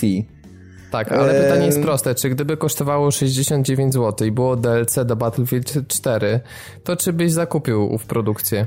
69 może niekoniecznie, za 5 dyszek może, ewentualnie. Moim zdaniem, e, jest, ja z kolei powiem, że mi na tyle setting i mechanika nie do końca podpasowała, że ja bym chyba za 20 zł nie kupił, bo e, po prostu szkoda by mi było czasu na ogrywanie czegoś, co no mi nie pasuje po prostu. No panowie, ale co wy robicie? Steve Papoucis musi mieć na nowe czapki. Okej. Okay. No nie, cóż, ale... niestety nie byłem w stanie przyswoić mechaniki w dwie godziny, więc ja po prostu wysiadam, nie? Ale ja, ja w ogóle, e, jak tak pograłem sobie w tego hardline'a, to ja się złapałem na tym, że e, kilka, kilka razy w ogóle mm, zapomniałem, że ja gram w betę teoretycznie nowej gry. Ja byłem święcie przekonany, że ja gram po prostu właśnie w e, jakieś tam nowe mapy do czwórki. Bo... No przy czym gra technicznie wygląda bardzo słabo, to trzeba powiedzieć. Oczywiście to jest beta mhm. i mogą jeszcze poprawić, ale rewolucji się nie spodziewam. No jest po prostu tak miałko, płasko, bez polotu. No dobra, ale nie oszukujmy się, że to jest 60 klatek, tak? E, Czy to teoretycznie znaczy, jest to 60 klatek? Nie wiem jak optymalizacja na PC, to pytanie do Tomka. To znaczy wiecie co, y, wygląda to tak do, dokładnie tak samo jak z czwórką. Migra chodziła na wszystkim na ultra, na sprzęcie takim no powiedzmy średnim, średno, załóżmy między średnim a troszkę wyższym, e, na ultra i chodziła bez, no strzelałbym, że to byłoby tak nie wiem koło 40-40 parę klatek. Do 60 60 mo mogło nie dochodzić. E, tam też jakiegoś miernika specjalnie sobie nie włączałem, bo mówię, e, po pewnym czasie stwierdziłem, że w ogóle ta gra jest tak tak skaszaniona, że nawet mi się nie chce e, jaki, robić jakichś takich bardziej, nie wiem, wnikliwych testów. E, ona, ona wygląda po prostu mniej więcej tak jak Battlefield 4. Tam, tam e, są tak samo błędy. Jeśli chodzi o to, jak ona chodzi, to e, praktycznie tak samo jak czwórka. Naprawdę tam naprawdę jest tak mało nowości, tak mało czegokolwiek, co by yy, tą grę odróżniało, że no, dosłownie można pomyśleć, no nie wiem, przykład, jak był chociażby dodatek Wietnam do Bad Company 2, to on wprowadzał dużo więcej niż, niż, cały ten hardline za 259 zł na konsolę. Dokładnie. To ja powiem na temat e, technikaliów na wersji na PS4 i zaraz jeszcze się zapytamy Szymona Xboxa. E, to powiem tak, że na tych mapach mniejszych, w tych trybach e, związanych z odbijaniem paczek, czy w tym trybie, gdzie jest dużo pojazdów i się ścigamy po mapie, chyba Hotwire to się nazywa. Tak. E, nie pamiętam jak w polskiej wersji. E, to gra rzeczywiście trzyma te stałe 60 klatek, no chyba, że nie wiem, pod nogami wylądują dwa granaty i jest duża strzelanina, to minimalnie coś tam chrupnie, ale problemów nie ma. Natomiast w przypadku trybu Conquest Large, który takim jest typowym, typową walką o flagi e, znaną z przeróżnych części Battlefielda, w wersji dla 60 64 graczy. No tutaj już niestety, ale e, zdarzają się przycięcia. Oczywiście nie są to jakieś takie dramatyczne, że niesamowicie to przeszkadza w graniu, ale jest po prostu zauważalne, że gra gubi tą mega płynność i powiedzmy, że robi się jakieś, nie wiem, 40-45 klatek. E, więc to trzeba mieć na uwadze. Natomiast e, na plus jest taki, że kod sieciowy mam wrażenie, że jest poprawiony, bo ja osobiście z lagami, czy właśnie jakimiś takimi dziwnymi akcjami typu, że przechodzę za róg i dopiero ginę po dwóch sekundach, czy problem z detekcją trafień nie miałem, więc tu jest dopracowane. Natomiast jeśli chodzi o klatki, to niestety spadają. I ostatnia tylko rzecz, że jest dostępna rozdzielczość 900p na PlayStation 4, natomiast muszę tutaj przyznać w pewnym sensie rację Szymonowi, dlatego że ja osobiście nie zauważyłem różnicy między tym 900p a Full HD. Być mhm. może przy zoomowaniu snajperką, czy chociażby jak się patrzy, nie wiem, daleko na e, kable, które lecą, nie wiem, czy to telegraficzne, czy powiedzmy do prądu, no to może w sumie większa jest pikseloza, ale tak normalnie w rozgrywce typowej to jest to moim zdaniem nie do zauważenia. No dokładnie, Więc dokładnie. Tyle ode mnie. Teraz wersja Xboxowa, która działa z tego co słyszałem w 720p. Mhm, mhm, tak, tak, działa w 720p, ale powiem wam, że e, znaczy co, co trzeba zauważyć, tak, jeśli chodzi o płynność, to, to tutaj absolutnie nie ma się o co przyczepić, gra chodzi żyleta, tak, z tym, że no, graficznie e, można śmiało powiedzieć, ja tak mogłem sobie porównać w domu z e, Battlefieldem 4, no to czwórka wygląda dużo lepiej. Jest, nie wiem, czy można to nazwać downgrade'em, tak, jakimś, mm, e, ponieważ jest to, że tak powiem, najświeższa produkcja z te, tej marki, jeśli chodzi o tą markę, e, więc, więc grafika jest niestety e, gorsza. No i co jest dla mnie najważniejsze, powiedzmy, e, co jest e, tak naprawdę największym minusem, to jest całkowita zmiana fizyki. To, to, to, to, to jak, dla, jak dla mnie e, przekreśla granie w multiplayer, dlatego że ja w Battlefieldzie, czy tam generalnie w shooterach najbardziej lubię grać snajperami, jestem kampa pierwszej wody, w ogóle lubię się kitrać po krzakach i walić z daleka do ludzi. I tutaj mm, to przestaje mieć sens, bo dlatego jak ktoś pamięta, ktoś kto mm, grał w Battlefielda 4, no to pociski zgodnie z fizyką lecą parabolą. Ta fizyka naprawdę w Battlefieldzie 4 jest um, zrobiona rewelacyjnie. Tutaj tak naprawdę ze snajperki strzela się w punkt, czyli zrobiło się z tego dosłownie Call of Duty. I nie ma tutaj absolutnie przesady, bo no te mapy, znaczy może te dwie mapy w tych pierwszych y, trybach Hotwire i, i ten e, The Haste e, są dosyć małe i tam nie, nie można za bardzo może tego toru mm, lotu pocisku gdzieś tam z jednego końca na drugi koniec mapy przetestować, bo te, tak jak mówię, te mapy są małe, ale już na Conquestie no to to ewidentnie widać, tak? Możemy tak naprawdę pół mapy przestrzelić strzelić i trafiamy niemalże w punkt. Tam może leci drobną parabolą, ale to, to nie jest to, co w Battlefieldzie 4, więc fizyka totalnie padła i, e, i, to, i to mówię, to jak dla mnie przekre, przekreśla multiplayera. Co ciekawe, muszę powiedzieć, możecie mnie tutaj ukamienować od razu, mi się bardzo podoba setting właśnie i wiecie co, nie wiem czy dla singla e, i dla tego settingu w ogóle zabawy właśnie w Złodziei i Policjantów, czy ja nie kupię tego tytułu. Nie wiem, czy na premierę może od razu, może, może nie będę nasz taki nadgorliwy na premierę, ale przy jakiejś pierwszej obniżce dla samego singla myślę, że tak. No.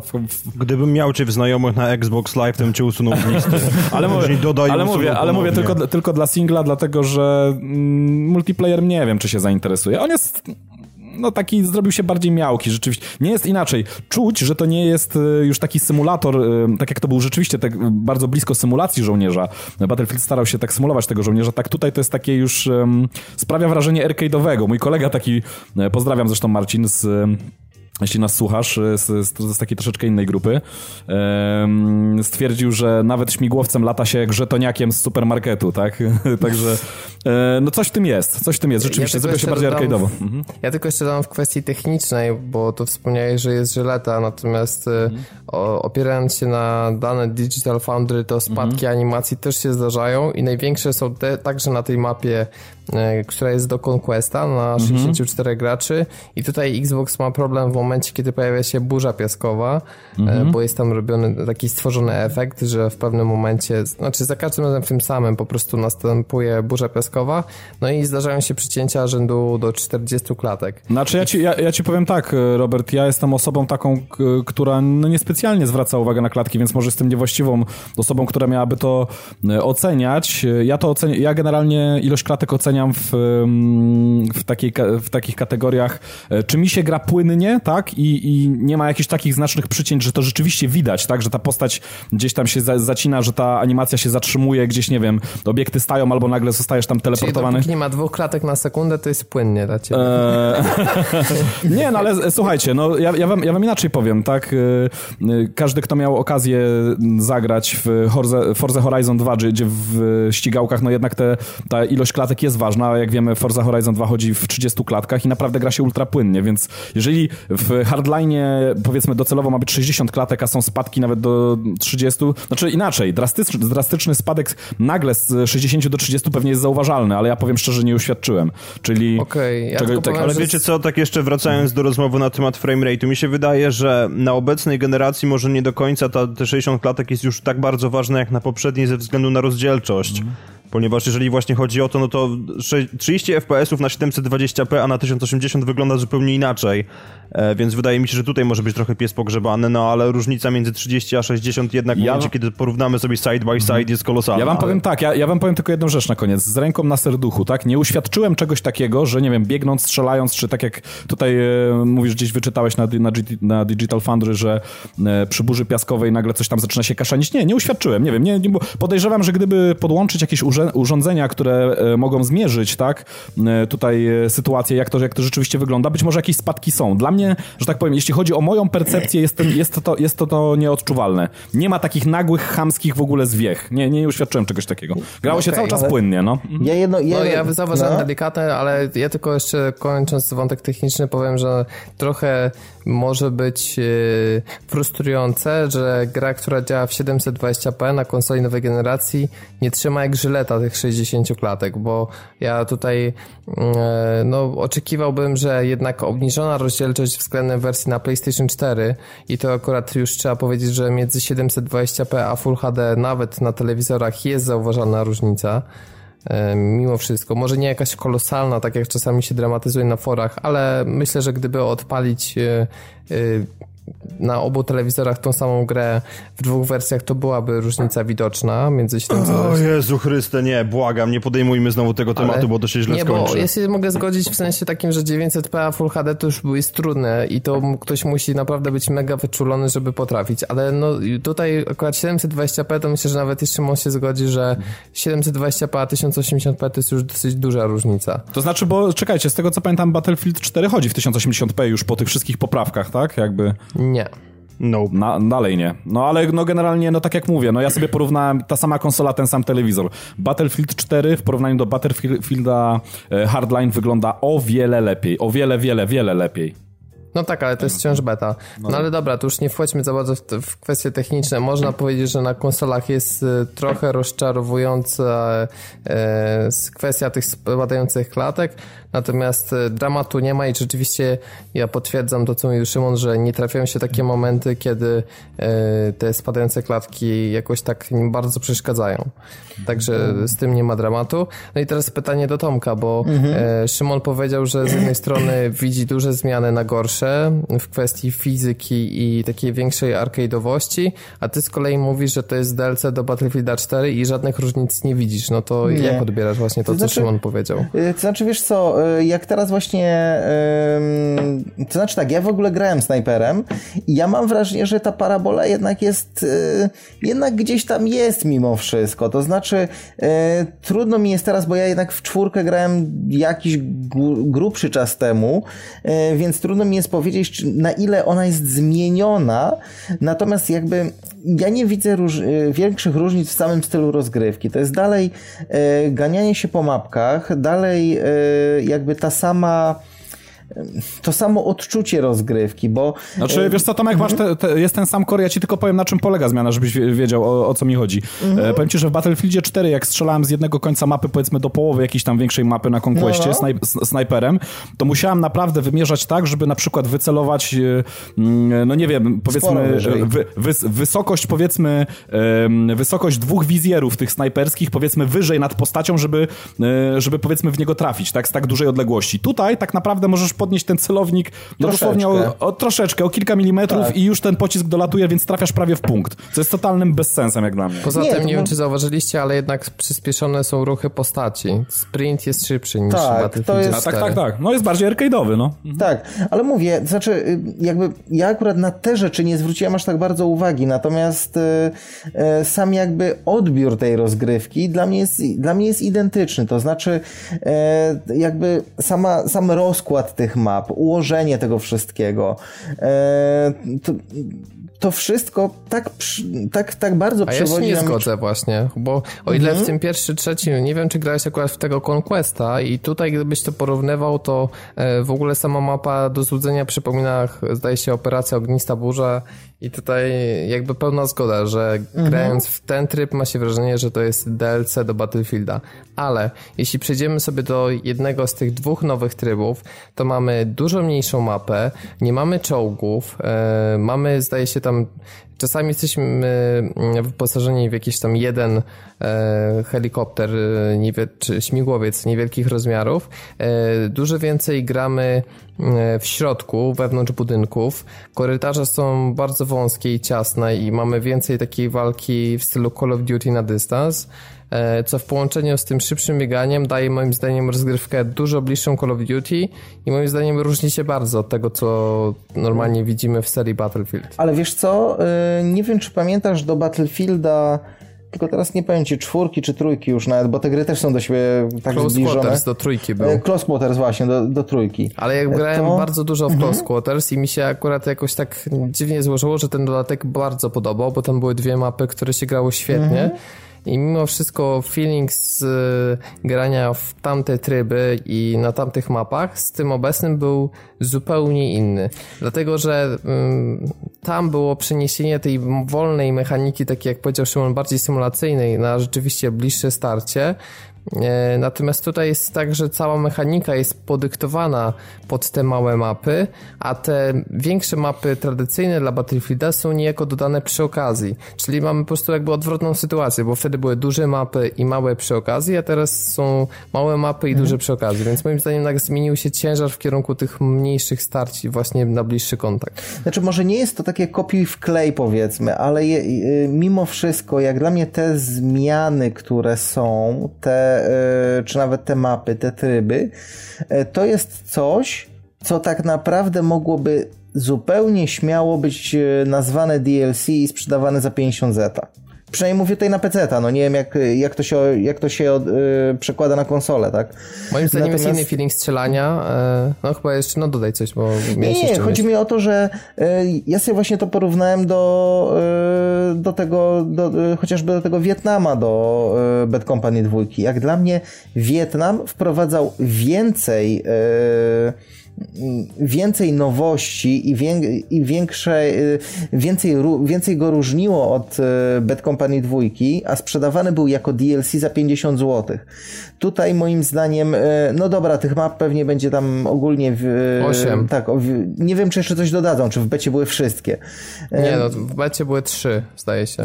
No tak, ale mówię, ale chodzi mi o to, że jakby finalnie ma być 8, ale nie wiem, czy oni jeszcze coś, coś planują później dodawać, no ale jakkolwiek jakkolwiek, jakkolwiek by to nazwać, e, to nawet jeżeli ich będzie 8, no w tym, mm, w Wietnamie było ile? 4, jeśli się nie mylę, tak? Więc tutaj troszkę mniej. E, no ale mimo wszystko, jak dla mnie te zmiany nie są aż tak duże, żeby tworzyć z tego zupełnie nową grę. E, na przykład to, co, to, co mnie mm, uderzyło, wszyscy mówili o tych linkach chociażby. Ja grałem sporo i znaczy, no, no tam kilka bym powiedział powiedział godzin e, i mało kogo zauważyłem, kto w ogóle tych linek używał. Ale nie, ja na przykład specjalnie wydałem, e, bo trzeba mhm. tam poświęcić trochę kasy, bo to mhm. możemy powiedzieć o nowości, że w tej części zrezygnowano z odblokowywania rzeczy z tytułu levelu i tutaj dostajemy kasę, e, kasę za którą kupujemy upgrade zgodnie z naszymi chęciami, więc e, mhm. mamy szybszy dostęp zdecydowanie do celowników, bo nie musimy na przykład strzelać ileś tam czasu z bronią, z celownikiem, który nam totalnie nie odpowiada, tylko po to, żeby odblokować taki, który nam pasuje. Nie, tutaj możemy możemy sobie spokojnie uzbierać szybko mm, kasę, nawet na ten lepszy celownik, to tam nie ma dramatu i wykupić. E, tylko, że jeśli chodzi o tą linkę, o której wspomniałeś, ja spodziewałem się, że będzie duża swoboda w kwestii e, umieszczania e, po prostu jakby tego haka i już planowałem takie dosyć dzikie miejsca, gdzie chcę wejść. Tymczasem co się okazuje? Dostajemy mm, do tej linki jakiś taki magiczny, magiczną lunetę, która podświetla nam, czy w danym miejscu możemy się zaczepić, czy nie możemy. Można no. sobie wykminić, że to jest coś podobnego jak do, do systemu z Batmanów, gdzie tam musi, podświetlały nam się te miejsca e, w których możemy zaczepić i okazuje się, że mamy bardzo niewielką swobodę co do miejsc, gdzie te linki mm, są do wykorzystania. W związku z czym przydatność tego gadżetu jest Zerowa. dużo mniejsza niż taka, która była nam przekazywana na trailerach. To znaczy, wiesz, wiesz... mechanika mhm. haka jest moim zdaniem badziewna i bardzo ograniczona. To znaczy, Robert, ona się przydaje tylko w jednej rzeczy, bo z, tą, z tym, co ty mówisz, czyli przemieszczanie się jakieś tam pomiędzy lokacjami, e, znaczy w lokacji, pomiędzy jakimiś budynkami czy miejscami, powiedzmy szybko, to rzeczywiście jest dość ograniczone, to prawda, tu się, tutaj się zgadza, podklepuje się pod tym, ale y, również tej linki można używać do y, wchodzenia na wyższe kondygnacje po budynkach. Właśnie można... ja o tym mówię i też, mhm. bo niestety, ale spotkałem się z bardzo mhm. ograniczoną liczbą miejsc, gdzie mogę się podczepić, żeby aha, wejść aha, do góry. Okay. Znaczy, no ja ci powiem, że tam, tam, gdzie chciałem, to się akurat dostałem, więc z tym nie miałem problemu, ale pomiesz, przemieszczanie się, powiedzmy, na jakieś większe odległości już było bardzo utrudnione tutaj, na tej mapie, i tu, którą... I tutaj, bo tak e, rzuciłeś hasło właśnie z tym Batmanem, właśnie plusem Batmana, przynajmniej City, było to, że jednak tych miejsc było od groma, w których się mogłeś złapać. E, oczywiście to nie we wszystkich mogłeś, ale to jednak... sobie e, Batmana, gdzie masz jedną piętnastą tych miejsc, no, które... więc właśnie. I masz Battlefielda Hardline. Więc, wie, więc właśnie, bo dlatego ja, te, ja tej linki też w ogóle nie używałem, bo stwierdziłem, że to jest kompletnie bez sensu, że to jest... Nie, chwileczkę, przepraszam, ja teraz trochę milczałem słuchając was. Chcecie mi powiedzieć, że patent, który był marketingowo rozdmuchany po prostu do Bóg wie jakich rozmiarów, który był na każdym jednym zwiastunie, jest po prostu praktycznie bezużyteczny. Tak, na, ma na mapach użyteczność. tak, no. na, na, na mapach, tak. które są w becie, tak. Rzeczywiście. E, więc drugi raz dzisiaj EA, brawo, jesteście Januszami branży gier wideo. Mhm. Moim zdaniem w ogóle ten Hardline jest zrobiony dla fanów Call of Duty, przede wszystkim, którzy są już trochę znudzeni e, tym przyszłościowym settingiem, bo ostatnio były Black Ops 2 Ghost też był minimalnie w przyszłości, teraz Advanced Warfare już totalna futura. I właśnie na fali popularności też Paydaya chcą i Counter-Strike'a trochę tutaj zagospodarować tych graczy. E, I ja osobiście cały czas miałem takie wrażenie, że e, lepiej bawiłbym się w czwórce niż e, w tym, co oni tutaj przedstawili. Ja wam powiem... że mm, ja tak. tylko już kończąc, mm. że mam takie dziwne wrażenie, że z jednej strony część mechanik jest zostawiona nie arcade'owo, bo na przykład jeśli chodzi o odrzut, to widziałem porównanie i okazuje się, że niektóre bronie mają nawet większy odrzut niż te, które są z czwórki, ale jednocześnie zmieniona fizyka i taki ogólny feeling strzelania powoduje, że nie czuć mocy tych broni. Tak, Czyli tak, tak. niby dla... jest odrzut, ale mam wrażenie, że strzelam kapi z kapiszonów po prostu. Jak dla mnie Hardline to jest taka zapchaj dziura pomiędzy Battlefieldem 4 a Battlefrontem. Tak jakby ktoś po prostu stwierdził, e, ok, robimy Battlefront, ale nam jeszcze to trochę zajmie, to słuchajcie, sklećmy coś jak najszybciej, e, żeby to wyglądało jak nowa gra, no bo w końcu musimy mieć line-up zapełniony. Jakby ja... jej miało jaja, to by skasowało tę grę. Tak, no, ale tak, oczywiście... tak, tak, tak, tak. Oni znaczy, ja, ja, ja, wam powiem, ja wam powiem, liczę po cichu to, co już wcześniej powiedziałem, że dostanę doświadczenie w, w singlu zbliżone powiedzmy do e, którejś e, z filmowej odsłony zabójczej broni. Jeśli to będzie coś w tym stylu, taka dawka akcji z e, lekkim powiedzmy humorem, jakąś może intrygą w tle, niekoniecznie jakąś górnolotną, ale sprawiającą masę fanu, e, to, to bardzo chętnie, bardzo chętnie przytulę dla samego singla. gdyby Visceral Games wypuściło epizodyczną w pięciu odcinkach strzelankę właśnie z tego typu fabułą, totalnie wywalając multi, stwierdza na przykład jej, że będzie jeszcze jeden rok wydawało DLC do czwórki, a mhm. tutaj mamy singlowego Battlefielda właśnie epizodycznego. Tym bardziej, że oni sami powiedzieli, że stawiają na taką serialowość i nawet te epizody w grze fizycznie na dysku też mają występować. To by było idealne rozwiązanie, bo no, rzeczywiście multi jest troszeczkę na siłę, jest niepotrzebne i ja bym chętnie przytulił taki, taki ja tytuł. Też znaczy, kupił. Mm, no. no. Jak najbardziej. No, wydaje mi się, no, pod warunkiem, że nie byłoby to aż tak totalnie do bólu liniowe i bez sensu fabuła, no, no ale po prostu e, byłoby to coś nowego, tak? Jeszcze nie no tak, tak. znaczy, jest FPS-a na epizody na przykład. Znaczy ja wam powiem, że y, jest tylko jeden tytuł w takim klimacie właśnie policyjno, mm, e, policy, znaczy policjantów i złodziei powiedzmy. Nie wiem, czy sobie przypominacie Call of Juarez, tak? Chyba Kartel bodajże był podtytuł. To to jest tak mhm. naprawdę w tym, w takim settingu, w takim podobnym klimacie gra, no która... No i Payday jeszcze. E, a, i Payday trochę. Rzeczywiście, tylko że Payday jest znowu taką typowo online'owym tytułem, nie? Ale no jeśli, chodzi o, no. jeśli chodzi o single, to tak naprawdę nie ma zbyt dużo tytułów w takim settingu i to jest taka nisza, którą można by było fajnie wypełnić. No i mam nadzieję, że mimo słabego multi, że ten single jednak e, no, spełni te moje oczekiwania i rzeczywiście będzie warto nawet nie grając w multi sięgnąć po ten tytuł. A, natomiast jeszcze jedną rzecz dopowiem, bo tak mi się przypomniało. E, jest jeden plus, który... To, to była jedyna rzecz, która mnie zaskoczyła na plus naprawdę w, tym hardline'ie. E, to, jak rozwiązali ten system Levolution właśnie w kwestii burzy piaskowej. E, chociaż samo w sobie to graficznie wyglądało tak sobie, tam nie, nie ma tutaj o czym mówić. Natomiast o ile na przykład w czwórce ten, te zmiany na, na poziomach, one były takie no dobra, coś tam się zmieniało, ale nie powiem, żeby to zupełnie, zupełnie zmieniało styl, w jaki, się, w jaki się na danej mapie gra. E, o tyle w, w momencie, kiedy zaczyna się burza piaskowa, tutaj w hardline, widoczność spada do dosłownie kilkudziesięciu metrów może. Mhm, to e, prawda. I rzeczywiście tutaj na przykład jak ja grałem snajperem, to w momencie, kiedy zaczęła się burza, moja klasa była kompletnie nieprzydatna.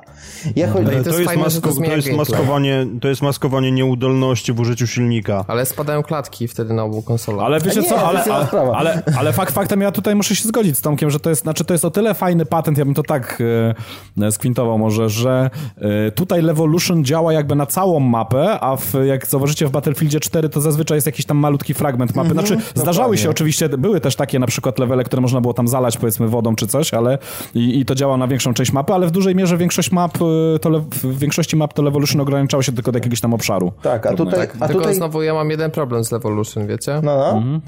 Dlatego, że y, moim zdaniem, y, tym bardziej, że to jest jedna linijka kodu, mam wrażenie. Zamiast za każdym razem, w każdym meczu, dokładnie w tym samej minucie włączać tą burzę piaskową, to fajnie by było, gdyby mapy w Battlefieldzie wreszcie miały zmienne warunki pogodowe i na przykład byłaby jakaś szansa na to, że występuje jakaś taka tego typu burza piaskowa i możemy czasami, nie wiem, zagrać na przykład cały mecz i tej burzy piaskowej nie będzie. Możemy zagrać, że burza piaskowa się włączy po chwili, że mhm. będzie na przykład miała mniejszą intensywność, że będzie miała większą intensywność. To Dlatego, super. że ten efekt jak grałem, e, oczywiście za pierwszym razem robił wrażenie, ale potem był już za drugim, trzecim meczem na tej mapie, na takiej zasadzie, że o, tutaj już 7 e, minut trwa mecz, no to za 15 sekund włączy się burza, burza piaskowa. Tak, I już pewnie, widzę chmurę no tak, piachu na a pewnie, a pewnie znajdą się gracze, którzy będą z zegarkiem śledzić, w którym momencie, żeby dostosować taktykę.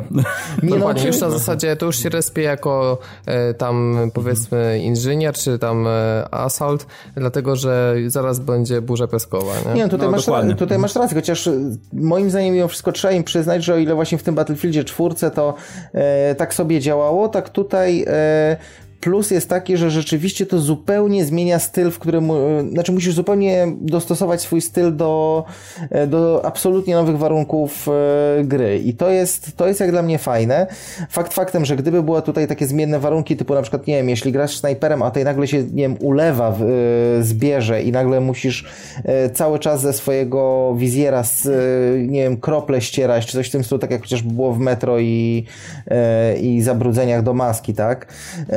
Czy nie wiem, że nagle może ci się mgła podnieść i praktycznie nic nie widzisz przed sobą i e, tylko masz nadzieję... Słuchaj, ta sama mapa, ile miałbyś kombinacji, bo to byłoby świetne. dodać do tego na przykład cykle dnia i nocy, że na przykład tutaj masz mapę o zachodzie słońca i celujesz ze snajperką i słońce tutaj ci wali i masz problem mhm. ze znalezieniem wrogów, albo na przykład robi się noc i musisz e, teraz wykorzystywać celowniki noktowizyjne. No kurczę, to jest tyle patentów, które można by zrewolucjonizować strzelanki i pójść rzeczywiście nowa generacja ale to już panowie po prostu mhm. pod to samo, tylko w innej formule. Ale to już panowie, to już panowie o czym mówicie, to jest naprawdę, to są rewelacyjne pomysły, ale myślę, że to dopiero Battlefield 6, jak nie 8.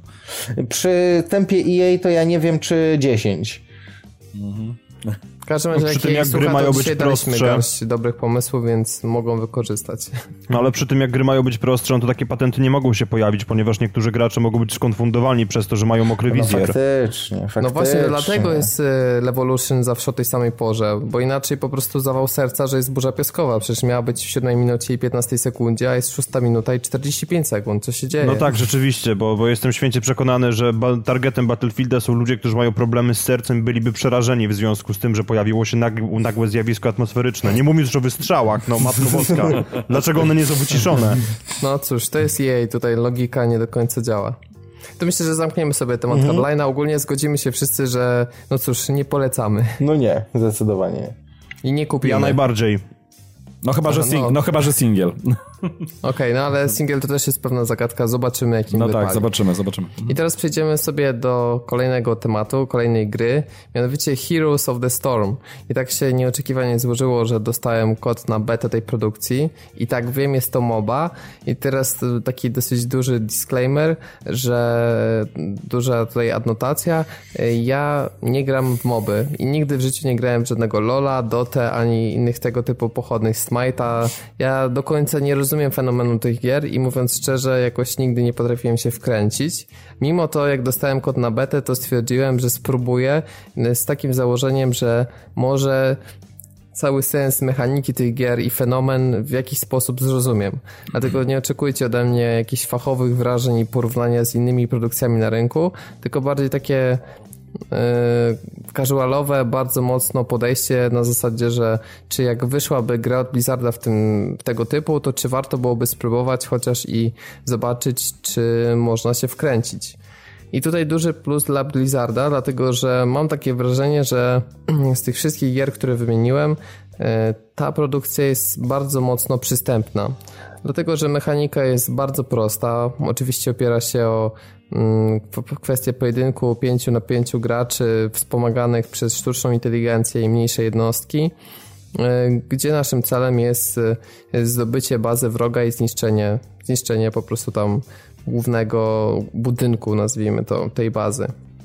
Więc mechanika do bólu prosta, mapy symetryczne, wzbogacone czasami jakieś feature'y typu, że e, raz na 5 minut otwiera nam się kopalnia, gdzie możemy e, zabijać wrogów i w ten sposób dopakować naszego golema, który się e, następnie spłonuje i wspomaga nas w walce, czy powiedzmy musimy przejąć jakieś strategiczne rejony mapy, które dają buffa całej drużynie. No tego typu proste rzeczy wspomagające rozgrywkę. No właśnie to jest, wszystko... jeżeli, jeżeli mógłbym tylko wtrącić, bo ja niestety nie dostałem dostałem kodu na betę, niestety nie mogłem pograć, chociaż bardzo chciałem spróbować i to jest chyba tak naprawdę największa innowacja. Tutaj muszę powiedzieć, bo ty może o tym, Robert, nie wiesz, e, ale te instancje, o których ty mówisz w postaci kopalni czy tam innych, znaczy nie wiem ile w becie jest map tak naprawdę, nie, też do końca nie wiem, no zagrałem na chyba mm. dwóch, trzech. Ale, ale tego, tego, w, tego dotychczas w mobach, czyli w LoLu powiedzmy tam w docie nie, nie uświadczyliśmy, nie było jakichś dodatkowych instancji, tutaj się pojawiają i to jest bardzo fajna mechanika, która bardzo urozmaica tą rozgrywkę, także to jest taka nowość, której chyba nie możemy w żadnej innej, znaczy, no ja nie, nie grałem we wszystkie może moby, jakie wyszły na świecie, pewnie już trochę, trochę tego jest, ale mm, z tych takich ważniejszych, tych takich mainstreamowych, to, to Heroes of the Storm chyba jest taką pierwszą um, grą, która ten gatunek troszeczkę odświeża, troszeczkę urozmaica, o. Tak, i to ja bym powiedział, że jest na plus, na plus, tylko że znowu jest problem trochę takim jak z Levolution w Battlefield Hardline i Battlefieldzie 4 czyli mamy do bólu powtarzalne cykle związane z tą dodatkową mechaniką. Mhm. I po mhm. dwóch, trzech meczach wiemy, że teraz już jest e, piąta, piąta minuta meczu, w związku z czym muszę się przemieścić w rejon wejścia do kopalni, dlatego że za chwilę pojawi się licznik odmierzający czas do otwarcia kopalni. Znaczy, no tak, ale wiesz co, czekaj, ja nie uznałbym tego za minus, dlatego że we wszystkich mobach e, są takie miejsca, w których pojawiają się konkretni przeciwnicy w konkretnej minucie meczu, zawsze tak jest i e, nie można można tego uznać za minus do końca, dlatego że, znaczy tak podejrzewam, sprostuj jeśli tu jest inaczej akurat w Heroes of the Storm, e, ale tutaj możliwość wejścia do tej instancji, do e, zdobycia tego buffu mają obie drużyny. I tak, tutaj tak, teraz, nie, no i tutaj, tak, i tutaj mhm. może się pojawić starcie, bo ponieważ jedna i druga drużyna zdaje sobie sprawę z tego, że mm, może zyskać, że tak powiem, troszeczkę w tej rozgrywce, dzięki tym buffom, które można zdobyć. No i y, w takich miejscach tworzą się dość ciekawe pojedynki. Także tutaj jest tak samo, tak? Jest, tak, zgadza się. Tylko po prostu mamy tak, że powiedzmy na minutę przed otwarciem kopalni pojawia się zapowiedź i mamy licznik w prawej części ekranu, który nas informuje, więc to nigdy nie jest tak, że z czapy się dowiadujemy, że, mhm. że coś tam się utworzyła, jakaś możliwość, tylko po prostu jest jakby e, chwila na to, żeby zająć strategiczne pozycje i żeby obydwie drużyny się dobrze ustawiły w kontekście zdobycia do jakiejś dodatkowej mocy, czy właśnie usprawnienia. Aha, okej. Okay. Więc nie no, zgadzam się, że w kwestii balansu rozgrywki, no to pewnie tak musi być. Jeśli chodzi o to, o cały setting, no to tu mamy mieszankę bohaterów z Diablo, Warcrafta i Starcrafta, która jest motywowana Nexusem i mieszaniem wszystkich wymiarów. Przy czym nie ma tutaj podziału na dobrych i złych bohaterów, ponieważ spokojnie w jednej drużynie mogą występować wszystkie postaci. E, a, ja, więc... a, powiedz, a powiedz, Robert, w ogóle jak jest z oprawą? Bo z tego, co ja widziałem, to mm, znaczy generalnie chyba wszystkie gry Blizzarda mają taki mm, rozpoznawalny design, tak? Taki, tak. taki trochę kanciasty i tutaj to zostało chyba, prawda? To, tak, że... to jest typowo taki kanciasto, kreskówkowo przerysowany styl, który moim zdaniem pasuje, dlatego że wbrew pozorom ja mam wrażenie, że e, chociażby League of Legends jest takie bardziej pstrokate. Mhm, tak, tak, no, tak. Może Dota mniej, ale no, na pewno to nie jest tak pstrokate jak League of Legends, a przy czym opieram się tylko na takim pobieżnym, nie wiem, z wyglądu ze screenów czy patrzenia na chwili na to, jak jakieś tam mecze się rozgrywały, nie z ogrywania samemu. Tutaj jest y, takie barwy bardziej pastelowe, trochę stonowane, ale z drugiej strony te wszystkie efekty do skilli są dosyć widowiskowe i fajnie to wygląda, także mhm. podoba A... mi się grafika, wydaje mi się taka neutralna, że jednocześnie spokojnie mogą się bawić przy tym nastolatkowie, jak i osoby starsze, więc... Wiesz co, jedna rzecz mnie tylko interesuje, bo e, takiej informacji do końca e, nie mam. Ja tam to, to po części troszeczkę na filmikach oglądałem, ale jesteś w stanie trochę przybliżyć system rozwoju postaci jakiejkolwiek? Tak. Jak, na jakiej zasadzie? No, no o tym bym chętnie posłuchał. Znaczy tak, w samej rozgrywce zdobywamy poprzez zabijanie wrogów dodatkowe talenty, Mhm. I mamy coś takiego, że powiedzmy nasza postać w meczu leveluje i y, mamy chwilę na to, żeby sobie wybrać na przykład spośród dwóch, trzech talentów E, no i najczęściej to jest związane z tym, że albo nam się pojawia jakiś e, duży skill obszarowy, albo nasz skill pasywny na przykład lepiej leczy, albo nasz podstawowy atak ma większy zasięg, czyli takie proste rzeczy wspomagające, czyli cały czas musimy po prostu wybierać, które rzeczy mm, odpowiadają bardziej naszemu stylowi rozgrywki. Natomiast jakby levelując bohatera e, w takim bardziej trwałym aspekcie, czyli po całym meczu, jak zdobywamy doświadczenie, no to powiedzmy, że zwiększa nam się pula tych talentów, z których możemy wybierać po prostu. Aha, okay. Zwiększa nam się też tam w opisach widziałem pula na przykład, że dostajemy drugą bohaterską umiejętność, tego typu rzeczy. Aha, Czyli a słuchaj, rozwój, a, mhm, a, to jest... Mamy taki podwójny rozwój postaci, ale zawsze będzie tak, że jak startujesz mecz, no to masz jakby podstawowo rozwiniętą postać. Być może ona będzie startowała z wyższego pułapu, jak ją mocno wylewelujesz, Mhm. Natomiast e, to nie jest tak, że jesteś w stanie mieć najmocniejszy atak dla danej postaci na starcie gry, chyba że dużo później na wyższych levelach, ale mhm. ja do takich mechanik jeszcze na pewno nie dotarłem. Myślę, a, że wątpię, wy... bo to zaburzałoby mechanikę gry po prostu. A ja się zastanawiam jeszcze nad jedną rzeczą, bo wiesz co, w większości mob jest, e, sytuacja wygląda tak, że mamy tam najczęściej w mobach są powiedzmy cztery skille, czyli e, trzy jakieś podstawowe skille, jeden ulti, ultimate, czyli jakiś tam taki konkretny, taki mocno mocno definiujący daną postać, którą, którą tam gramy, najmocniejszy. E, I często to jest tak, że mamy jakiś, jakąś tam ilość leveli e, i teraz dochodząc do tego maksymalnego levelu, levelując maksymalnie tą postacią w trakcie jakiegoś meczu, tak naprawdę zdobywamy te wszystkie skille na najwyższym, e, znaczy wbijamy te wszystkie skille na najwyższy level i dysponujemy takim samym jakby arsenałem w każdej grze. Jedyna rzecz, którą możemy tak naprawdę zmienić, to który skill, na który level chcemy wbić w jakim czasie, tak? Szybciej. Czyli możemy zadecydować na przykład, że w tym meczu idę bardziej w, szybciej chcę rozwinąć tego skilla, w tam powiedzmy w innym meczu, e, kiedy gramy przeciwko innym przeciwnikom, to na przykład przyda mi się bardziej inny skill i tego, ten skill rozbuduję mm, e, jako pierwszy maksymalnie.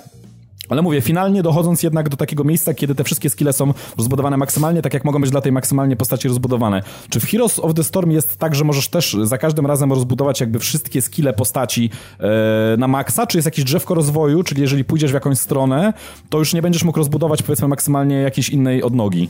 Jak Możesz to jest? rozbudować wszystkie maksymalnie, chyba że zabraknie mm -hmm. ci czasu, ale ja raczej czasu, nie miałem aha. takiej... Aha, czyli to jest klasycznie, czyli możesz zawsze rozbudować tak, jakby e, postać maksymalnie i wszystkie skille w każdym meczu, jeżeli pozwoli ci na to czas. Tak, przy czym, Aha. znaczy może, może inaczej, bo żebyśmy się dobrze zrozumieli. Możesz mhm. maksymalnie, ale zawsze jest tak, że masz kilka opcji wyboru, w związku z czym one ci się później, nie, nie bo możesz maksymalnie rozbudować z tego, co jest dostępne z, z puli, ale nie mhm. może być tak, że y, na przykład masz do wyboru ulepszenie A i ulepszenie B i jeśli wybierzesz ulepszenie A, to znaczy, że za ileś tam razy po to ulepszenie B znowu pojawi ci się w opcji wyboru. Z mhm. tego, co ja zauważyłem, ale tutaj głowy nie dam, to jednak y, jest w pewnym sensie ścieżka rozwoju, ale to jest bardziej taka jak rozwijanie skilli w Diablo, czyli na mhm. przykład tam levelując, na, na, na dany level mieliśmy trzy skille do wyboru, tak, z tego co kojarzę. Aha, w ten sposób. Dostawaliśmy mhm. dostęp na, na mhm. przykład i sobie wybieramy, co nam pasuje.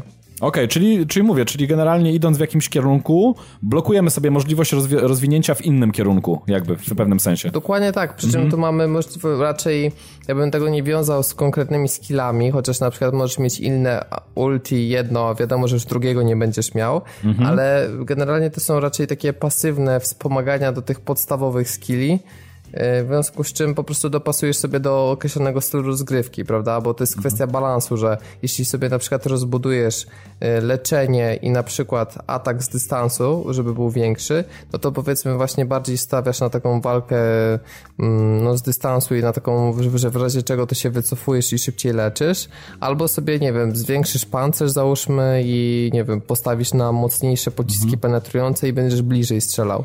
Ale to jest fajne, powiem ci, że w fajnym kierunku no, poszli, bo tam po tym, co ty mówisz i po, po tych filmikach, które udało mi się obejrzeć, to jest taka ciekawa alternatywa w mobach, dlatego, że w, podejrzewam, tak strzelam, w 90% e, e, gier z gatunku moba e, te skille zawsze rozbudowuje się jakby, no, może w różnej kolejności, ale dochodzimy do tego samego momentu, kiedy postać jest, już mówię, w tej najwyższej formie, ma wszystkie skille rozbudowane na maksa i ona zawsze wygląda w taki sam sposób. A to jakby... nie, to tu nie. To, no, to, to także, tak, że sobie, także, jeśli mm -hmm. to o to ci chodziło, to nie, mm -hmm. rzeczywiście ona będzie wyglądać za każdym razem nieco inaczej. A no właśnie, i to jest, to jest, to jest ciekawe rozwiązanie, mówię, bo w mobach jest to, to, jest to tak jak mówiłem, czyli wszystkie postacie wyglądają tak samo docelowo. E, tak naprawdę różnice tutaj robią e, przedmioty, które zakupujemy w sklepie. W każdej mobie to te przedmioty, dopasowanie e, przedmiotów do danej postaci i do przeciwników, z jakimi walczymy w danej grze, to jest tak naprawdę klucz do sukcesu. No i oczywiście skill ja przy okazji. na razie przedmiotów nie zauważyłem, mhm. chyba, że do tej mechaniki jeszcze nie dotarłem, ale mhm. tutaj oczywiście możemy sobie pokupować jakieś skórki, natomiast polegamy na skillach i jakby ta pula nam się zwiększa wraz z levelowaniem bohatera. Mhm. Znaczy ja myślę, że tutaj bardziej, y, bo też tak słyszałem, właśnie mówię, no nie ograłem, szkoda, nie mogłem tego obadać sam, ale y, z tego, co słyszałem i, i udało mi się y, zobaczyć na filmikach, to Heroes of the Storm chyba bardziej się właśnie opiera na skillach i na buffach niż na przedmiotach. Przedmiotów tak. chyba w ogóle nie będzie, no. no. Właśnie, więc ja też nie zauważyłem tych przedmiotów i ja to osobiście odbieram na plus. plus jeszcze jedna sprawa, jeśli chodzi o te talenty, które zdobywasz, bo w sumie tak to się nazywa, mm, to 90% z tego, co patrzyłem, to są umiejętności pasywne. Mm-hmm. Więc, Aha, więc okay. tak to właśnie działa, że po prostu wspomagamy raczej nasze skille, w które jesteśmy wyposażeni od początku. Z tym, że na przykład ten ostateczny atak nigdy nie jest dostępny od samego początku, przynajmniej Ale widzisz, czyli te, czyli, czyli, te talenty działają trochę właśnie jak przedmioty w innych mobach, bo przedmioty w mobach też e, generalnie dodają do statystyk, tak, jakieś czy tam jakieś pasywne e, efekty. Znaczy są oczywiście przedmioty, które też możemy aktywować i, i one mają, dają nam jakąś dodatkową umiejętność spoza puli tych skilli, które posiada postać, e, ale to jest zdecydowana e, mniejszość. E, większość przedmiotów jednak dopakowuje nasze statystyki. Także no to, to jest po prostu taki zamiennik. W ogóle mechanika jest bardzo prosta, bo mamy atak prosty, atak specjalny, mhm. jakiś obszarowy, leczenie powiedzmy pasywne, albo jeśli jest tam postać, która potrafi aktywnie leczyć, no to po prostu bardzo prosta mechanika, taka, takich 4-5 skilli maksymalnie. Mhm. A powiedz Robert jedną rzecz, bo tak e, mówisz tym, e, o, o, tym Hard of the, Heart of the Storm, Heroes of the Storm, sorry. E, mhm. I e, ale czy ta gra cię przekonała do tego, żeby, nie wiem, zostać z nią na dłużej, czy po prostu przetestowałeś i raczej tyle, tyle, tyle cię w niej widzieli? No właśnie, mm, myślę, że jednak ta druga wersja, mimo wszystko, i teraz powiem dlaczego. Obawiam się, że model finansowy tej gry może niebezpiecznie pójść w kierunku pay to win. Jest jeszcze dużo za wcześnie, aby wyrokować o tym i musiałbym pewnie mieć większą wiedzę w zakresie gatunku, ale tak z mojego mhm. lajtowego punktu widzenia, takiego casualowego, mm, nie podoba mi się fakt, że pula darmowych bohaterów y, pięciu jest y, zmieniana co tydzień. Z tego co słyszałem, takie jest założenie. Mhm. Być może będzie tam Aha. jeden czy dwóch podstawowych bohaterów, ale powiedzmy rotacja. I teraz, żeby wykupić na stałe, to musimy zrobić to za kasę, którą zdobywamy wewnątrz gry, lub y, zrobić to za pośrednictwem mikrotransakcji. I teraz tak, jeśli chcemy to zrobić za kasę wewnątrz gry, to ona rośnie niemiłosiernie wolno, w związku z czym tymi podstawowymi bohaterami musimy się przemęczyć naprawdę bardzo, bardzo długo. Mhm. E, no i teraz jest kwestia taka, że obawiam się, czy nie będzie tak, że bohaterowie, których można kupić właściwie tylko i wyłącznie za prawdziwą kasę albo za, nie wiem, 30-godzinne, 40 grindowanie, nie będą mocniejsze i bardziej efektywne w walce, to spowoduje, że ci, którzy wybulą kasę na lepszych bohaterów, po prostu będą mieli przewagę. Mm, wiesz co, nie będzie tak, Robert. Ja ci powiem, że dla ciebie to jest troszeczkę nowość, ponieważ jesteś e, świeżynką, że tak powiem, w świecie mob, ale... E, Nubem chciałeś powiedzieć. no już nie chciałem używać tego słowa, ale e, generalnie tak, e, taki system działa we wszystkich praktycznie mobach, we wszystkich mi znanych, e, że jest rotacja, rotacja służy temu, żeby zachęcić ludzi do poznania nowych postaci, tak, dlatego, że no nie każdy wyłoży od razu kasę, tak, na, na jakąś postać, więc służy do tego, żeby można było za darmo daną postać przetestować, a jak już się przyzwyczajemy do jakiejś postaci, spodoba nam się i będziemy chcieli ją wymasterować, to taką postać możemy sobie albo właśnie kupić za walutę w grze, jeśli, jeśli gramy dużo w tą grę, dużo czasu poświęcamy, albo po prostu możemy zrobić sobie drogę na skróty i to zakupić. Czy to zaburza balans? Powiem ci, że e, wątpię, dlatego, że nie uświadczyłem jeszcze mm, w żadnej mobie e, jakiejś takiej, mm, to znaczy nawet jeżeli się zdarzały postaci przekoksowane, to bardzo szybko Eee, zmieniano jej tam statystyki i to, i to działa tak w każdej mobie, także ten balans, znaczy w mobie balans... Znaczy, jeśli będzie balans, no to spoko, nie? W mobie balans to jest podstawa, mówię, a to co ty mówisz, to masz obawy, mm, znaczy słuszne masz obawy poniekąd, dlatego że mówię, jak gdybym patrzył z perspektywy osoby, która zaczyna taką przygodę z mobami, to też by mnie dziwiło takie rozwiązanie, ale mówię, ja już to przerabiam od lat i właściwie każda moba funkcjonuje w ten sposób mm, i mówię, ta rotacja to służy tylko do zachęcenia, jeśli ktoś nie ma kasy wewnątrz gry albo nie chce wydawać ze swojego nie wirtualnego, tylko prawdziwego portfela pieniądze, no to, to, to tylko po to, żeby te postaci sprawdzić. Także nie sądzę, to myślę, że nie ma się co o to obawiać.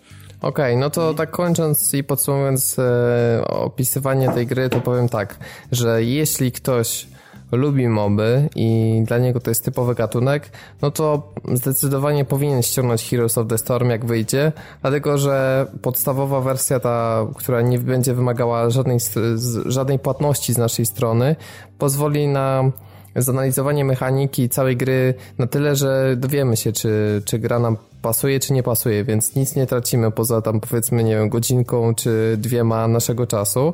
Jeśli ktoś w ogóle nie grał w moby i chciałby się potencjalnie zainteresować, no to myślę, że to jest też dobra produkcja, dlatego że e, ja dosłownie w 10 minut, czy nawet mniej zrozumiałem wszystkie zasady i wszystkie mechaniki, jakie w tej grze funkcjonują, a w moby nie grałem nigdy, więc e, uważam, że gra jest naprawdę bardzo przystępna. Mam wrażenie, że dużo bardziej niż pozostałe gry tego gatunku, więc e, to jest dobry pomysł, żeby spróbować. Natomiast ja osobiście widzę, że ta mechanika jest tak prosta, że mnie aż tak nie wciąga na dłużej.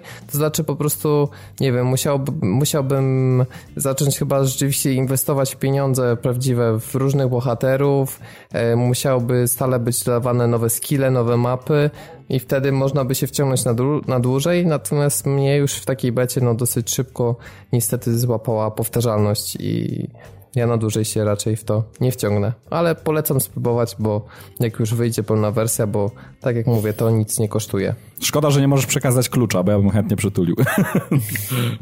No tak, no, no. niestety nie ma takiej opcji zapraszania. No, szkoda. No i teraz jeszcze jedna beta, o której sobie dzisiaj powiemy. Mhm. E, Neverwinter, czyli gra MMO, taka typowa, powiedzmy, że trochę w stylu World of Warcraft, która e, wystartowała mm, e, właśnie w wersji beta na Xbox One i którą, mhm. jak nie trudno zgadnąć, przetestował Szymon. No tak, ja od razu, wiesz co, też chcę tutaj zaznaczyć, tak jak ty przed Heroes of the Storm, że ja nie jestem jakimś miłośnikiem MMO wielkim. Jedyna MMO tak naprawdę, z którym miałem do czynienia troszeczkę dłużej, to był właśnie World of Warcraft i mówię tutaj o jakiejś takiej totalnej prehistorii, bo mm, kiedy ta gra wyszła? Chyba 10 lat temu, tak? w 2004 roku, tak, no. No, no tak, więc właśnie. I, i, ja tak naprawdę, no oczywiście nakręcony tym e, hypem całym, Załapałem się na ten hype train i ja w WoWa trzaskałem przez pierwsze trzy miesiące, zrobiłem tam maga do 40 levelu. Poznałem dobrze mechaniki, więc mam, mam, że tak powiem, pojęcie na czym to wszystko polega, z czym to się je. E, ale no mówię, to były pierwsze trzy miesiące i podejrzewam, że teraz po tych wszystkich dodatkach, które doszły do WoWa, mogło się dużo zmienić. Nie, nie wiem, nie, nie, nie, nie, nie mam takiej wiedzy, nie mówię, nie grałem już w kolejne dodatki, nie ściągałem, nie wiem, czy coś się zmieniło. Może tutaj ktoś w komentarzach skorygować. Chociaż już w zasadzie zostałem zrugany na temat Neverwinter, bo powiem wam, że jak odpaliłem sobie tą betę, to tak walnęło mi po oczach, że kuźwa, no tak jakbym dosłownie grał w WoWa, tak? Mówię tutaj o e, wszelkich rozwiązaniach, bo i e, od takich rzeczy jak questy, takie typowe, czyli tam lanie dzików na początku, tak? Na pierwszym levelu, e, e, znaczy tutaj akurat nie ma dzików, tylko tam jakieś zombiaki atakujące fortecę, czyli ten tytułowy e, Neverwinter, e, Neverwinter, tak? Bodajże nazywa się tam miejscowość. Mhm. tudzież, tudzież zamek, poprzez takie rzeczy jak jakieś tam właśnie inne poboczne questy, zbieranie teamu do jakiejś tam mm, drużyny, do jakiegoś tam większego questa, czy do jakiejś instancji, poprzez naszą kieszeń, która wygląda niemalże identycznie jak w WoWie, czy skrzynkę pocztową, z której dostajemy informacje od innych tam graczy online, bądź też od producenta tego tytułu.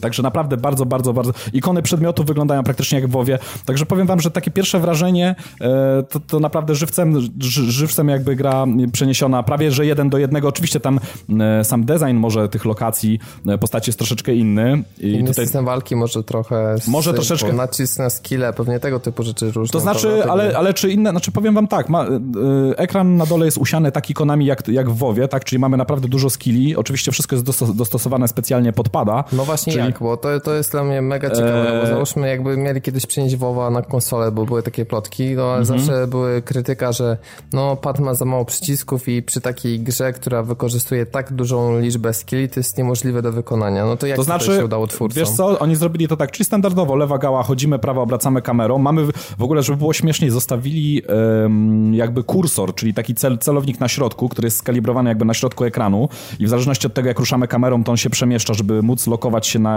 przeciwnikach, czyli już widać, że to jest tak e, ewidentnie za... Mm, zapożyczone z peceta, tak, rozwiązanie, bo tak rzeczywiście by, w, wydaje mi się, że w MMO jest, jest to rozwiązane, żeby, żeby sobie kogoś zalokować. E, i Eee, I jest to, działa to na takiej zasadzie, że mamy listę skilli, powiedzmy, tam załóżmy 10 skilli wyświetla nam się na ekranie przy, przypisanych do 10 przycisków, e, obo, no, jeśli chodzi o obłożenie na padzie, ale przytrzymanie na przykład, e, e jakbyś, jakbym to powiedział po plajakowemu, L1 bądź R1, czy, czyli mm, e, e, czy też z Xboxowego LBRB e, powoduje, że te jakby przeskakuje nam jakby na drugą linię skilli i te same przyciski, które odpowiadały za konkretne funkcje, teraz yy, dostają nowe funkcje. Tylko, że muszę wam powiedzieć, że to do końca nie sprawdza się na padzie.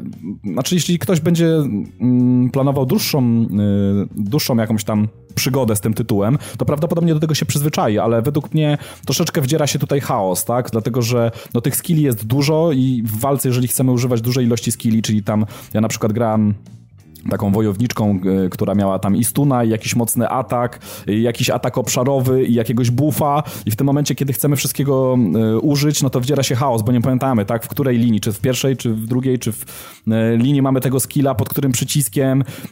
Nie jest to takie intuicyjne. Na PC na pewno jest o wiele łatwiej wybrać sobie po prostu konkretną ikonę, kliknąć w konkretną ikonę, czy mm, często chyba jest w MMO tak, że pod F-y, tak, są te przypisane skille, czyli po prostu... Albo czytam... robimy jakieś makra też. Albo jakieś tak makra więc... robią, tak, tak.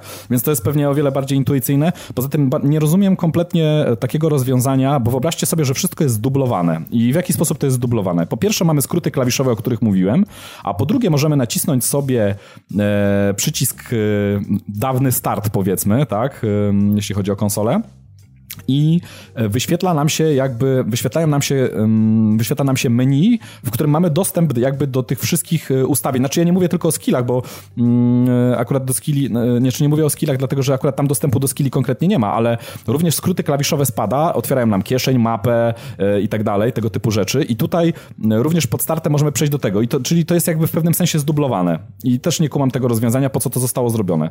Tym bardziej, że moim zdaniem skille powinny mieć priorytet i powinniśmy mm -hmm. spojrzeć na to, jak wygląda sytuacja chociażby w Diablo na konsolach, gdzie Dokładnie. praktycznie wszystkie przyciski są e, podyktowane pod skille e, i mamy resztę takich rzeczy, zarządzanie z, po prostu z klasycznego menu.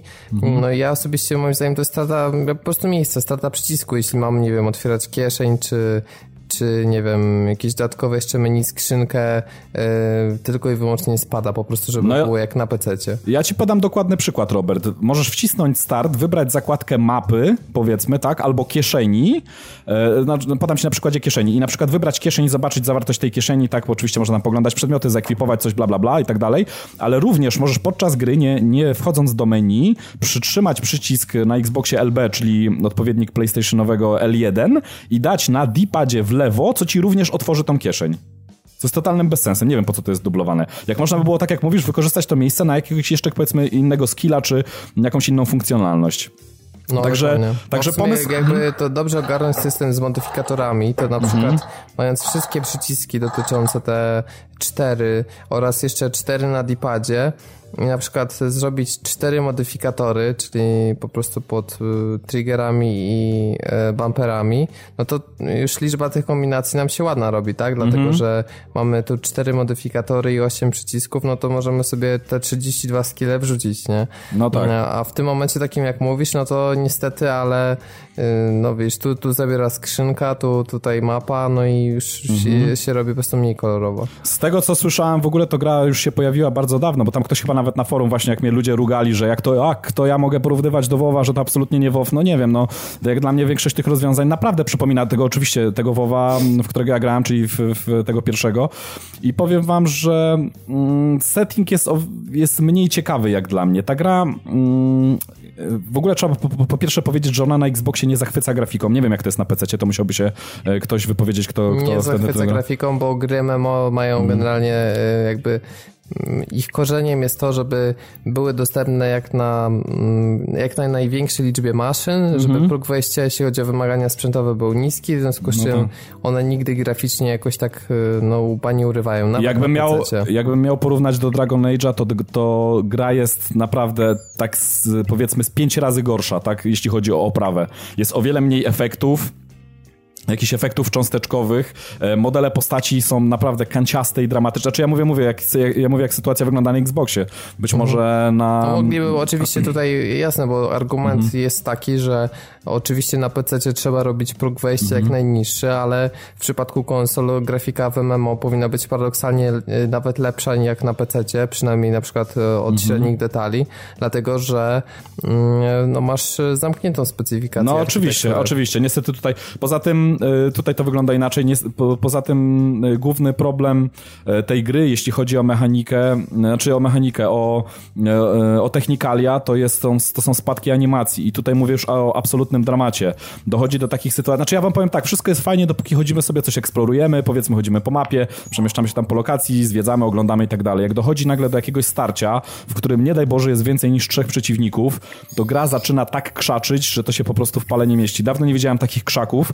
Dochodzi wręcz do takich sytuacji, że gra się zatrzymuje na kilka sekund. Mamy po prostu, e, wiecie, print screena, czekamy, czekamy, czekamy, czekamy, czekamy, odmula się, okej, okay, dobra, postać zadaje cios, leci kilka ciosów, jak już padnie kilku przeciwników, to się odmula coraz bardziej, coraz bardziej, aż wreszcie dochodzi do takiego mm, e, stanu, gdzie można w miarę sensownie grać. Także i powiem wam, że to jest bardzo częste. Wejście do miasta to jest od razu znowu pauza, znowu mamy mm, z, z, znowu mamy chwilę odpoczynku e, i no to, to, ponieważ tam się porusza wielu graczy zazwyczaj w tych miastach, tam kupują itemy, tak, biorą questy i tak dalej, i tak dalej, więc ten ruch jest taki dosyć spory, e, sieciowy i, i tam, tam to już jest absolutny dramat, tak, i mm, pod tym kątem powiem wam szczerze, że nie wiem jak można czerpać w ogóle jako, jakkolwiek, jakąkolwiek przyjemność z gry, która chodzi w taki sposób, no to jest absolutny dramat. I jak dla no mnie... No tak, jasne, że to mhm. jest beta, ale no kurczę, już powinna mieć większość funkcjonalności, a to co mówisz, to raczej jest takie, takie są poważne mm -hmm. błędy, które do premiery no tak. raczej ciężko wyeliminować. Znaczy słuchaj, szczególnie Robert, że to jest port, tak? Ta gra już, skoro jest jakiś tam czas na rynku, to tak naprawdę trzeba ją tylko sportować i zoptymalizować, tak? To znaczy, I... wiesz co, mhm. to, to, to, co ty mówisz, to mam wrażenie, że to są bardziej problemy, problemy serwerowe. To, teo, to teoretycznie możliwe, że będzie naprawione całkiem sprawnie, jeżeli na premierę oni uruchomią więcej serwerów. E, mhm. Bo tutaj wiesz, tak naprawdę to, gdzie są inni gracze, ich pozycja i tak dalej, e, zależy, czy, czy chociażby pozycję przeciwników, bo to też często się dzieje po stronie serwera. E, więc możliwe, że w momencie, kiedy oni dadzą więcej serwerów, te serwery będą mniej obciążone, e, to jakby problem zniknie. No nie wiem jeszcze jak tam, jak tam u ciebie z netem. Ty masz e, jakiś taki konkre znaczy ja, konkretniejszy ja, internet. Tego, znaczy nie, no ja mam 20, 25 megabitów i powiem ci, że z żadnym... nie ma problemu. Z, że, panowie, nie mówcie mhm. o internecie, bo ja grałem w 2000, akurat chyba w piątym roku w World of Warcraft, gdzie były rajdy na 40 graczy z bossem i leciałem na Australię 128 e, kilobitów na sekundę, mając jeszcze uruchomionego TeamSpeaka mhm. i żadnych problemów nie było, więc no właśnie, no, właśnie. Nie, czyli to raczej... teraz, że po takim czasie, że są problemy, prawda? Nie, czyli to tego, raczej, że za wolny net. Raczej, raczej kwestia yy, właśnie po stronie serwerów, tak mi się wydaje, że może... Wiecie co, Wiecie co, jedyna rzecz na plus, jaką mogę powiedzieć, chociaż jest to marne pocieszenie tak naprawdę dla graczy, przynajmniej Xboxowych, to e, możliwość budowy postaci, tak? E, własnej na początku, który jest dosyć fajnie rozbudowany, bo znaczy nie mówię tu tylko o wizualiach, ponieważ możemy tam naprawdę zmieniać no tyle ustawień, że tam jakiś tam każdy mięsień, e, kształt nosa, uszu, cuda na kiju, wiecie, już takie rzeczy zresztą były, ale tutaj jest na, naprawdę fajnie ten mm, fajnie wszystko przygotowanej tych opcji mamy dużo i możemy naprawdę wykreować taką postać, jaka nam się podoba. Mało tego, mamy 10 raz i są tu już takie już, może niektóre rzeczy trochę na siłę dodane, czyli mieszanka na przykład pół elf, pół człowiek, albo pół ork, pół człowiek, który ma część skilli takich, jakie, jakie posiadają orki, a część takie, jakie, jakie posiadają ludzie i tak dalej, ale generalnie różnorodność jest dosyć duża, do tego dochodzą klasy postaci, czyli troszeczkę też jak w WoWie, tak? Czyli jak wybierzemy konkretną rasę, to ta konkretna rasa ma jeszcze konkretne jakieś tam specjalizacje y, dla danej rasy, rasy dostępne, a oprócz tego, jak już wybierzemy specjalizację, to jeszcze mamy dostęp do tego i też jest tego sporo, bo jest chyba z 10 mm, różnych lokacji, też troszeczkę podobnie jak w WoWie. Możemy tutaj ustalić, gdzie postać się urodziła, to też jakoś tam chyba już bardziej na fabułę wpływa, e, czyli w, z jakiego miejsca w tym świecie pochodzi.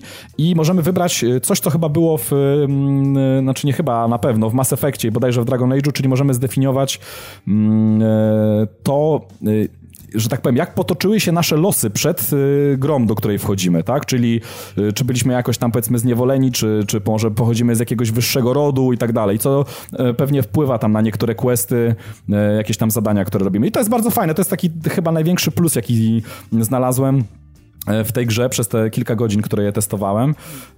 No ale tak jak mówię, może musicie troszeczkę tak z przymrożeniem oka, no mówię, generalnie mówię to do słuchaczy, tak musicie traktować moją wypowiedź, dlatego że ja mówię, ja nie jestem człowiekiem, który lubi MMO, nie chcę poświęcić, zresztą nawet nie mam czasu tak naprawdę na MMO. Dostałem klucz do bety, dlatego ją po prostu przetestowałem i to są takie moje odczucia jako, mówię, osoby, która ostatni raz w MMO grała 10 lat temu, czyli do, dosyć, dosyć dawno. E, fajnie na pewno, że e, jakaś gra MMO trafia na konsolę również, tak? I być może może znajdzie tutaj jakichś mm, miłośników, o ile mam nadzieję te technikalia zostaną podciągnięte i wtedy może będzie można się zainteresować tym, tym tytułem. Mm, e, no mówię, o ile ktoś ma dosyć dużą tolerancję na mm, grafikę, która tutaj no nie jest jakaś rewelacyjna. Ale wiesz no i to co? tyle mogę powiedzieć. No. Ale wiesz co, wydaje mi się, że twoje odczucia mogą być e, też e, dodatkowo trafne, bo ta gra przecież już dłuższy czas temu wyszła na pecety I z tego co ja wiem, to e, przynajmniej z tego co kojarzę, bo aż tak, ta, aż tak tego nie śledzę, ale ona, jest, ona wydaje mi się, że ona już jest prawie martwa. Aha, no hitem no to ona nie jest. Hitem to no, ona nie jest, tak, że to już mhm. jest e, może jakaś tam, zresztą ona już na PC została dość ostro zjechana, tam szczególnie za system, system mikrotransakcji, za pay to win, za gra, właśnie mhm. za grafikę, tak jak mówisz, za to, że mm, właśnie za bardzo kopiuje WoWa, a za mało... No ja bym... Ja wam powiem, że po becie ja bym na tą grę nawet nie przeznaczył 20 zł. Szkoda by mi było, naprawdę. No. no nie, nie, nie, nie, chcę tu hejtować, bo wiem, że na naszej grupie, bo się odezwali ludzie, którzy e, grają tam powiedzmy od dwóch lat, bo, bo i tacy ludzie się tam wypowiadali i jakoś w pewien sposób może sobie cenią ten tytuł, ale powiem szczerze, że mnie nie zachęcił. No, e, mając na uwadze to, że ja no, całkiem niedawno, zresztą mam na dysku, jeszcze nie skończyłem, mam Dragon Age'a, który, który oferuje, że tak powiem, podobne, podobne mm, doświadczenie z rozgrywki. Może nie jest MMO, dlatego że nie gramy z innymi ludźmi, e, ale... Ale trochę jest, Dragon Age ale, trochę jest takie MMO dla ale, ale tak, gracza. ale to jest troszeczkę MMO i naprawdę ten poziom jest dużo, dużo, dużo wyższy. To jest, to jest całkowicie inna liga, znaczy to jest całkowicie kilka lig wyżej, więc mhm. no nie zachęca ten Neverwinter niczym specjalnie. Ja jestem ciekawy, jak sobie The Elder Scrolls Online poradzi, bo w sumie już niedługo premiera na konsolach. No, może mieć spory problem. No. Wersji... Też na PC było sporo problemów, przecież gra w, w marcu bodajże już przechodzi na model free to play lub zwany też pay to win w przypadku gier MMO często, mhm. więc zobaczymy jak sobie poradzą ze zmianą mechaniki. Ale wydaje mi się, że tutaj jeśli chodzi o właśnie TESA, to skoro już tak, tak dygresja poszła, e, to że jakby z, z TESem nie jest problem z modelem Mm, subskrypcji, czy tam, czy tam ogólnie modelem, modelem finansowym, tylko jakby z, samym, z samą mechaniką rozgrywki, że tutaj yy, ta gra jest po prostu nudna jak flaki z olejem, ona kopiuje wiele rzeczy znowu z yy, takich bardzo tradycyjnych MMO i wydaje mi się, że na takie gry po prostu już nie ma miejsca. Teraz, teraz już bardziej jest miejsce, yy, znaczy tak, albo jesteś yy,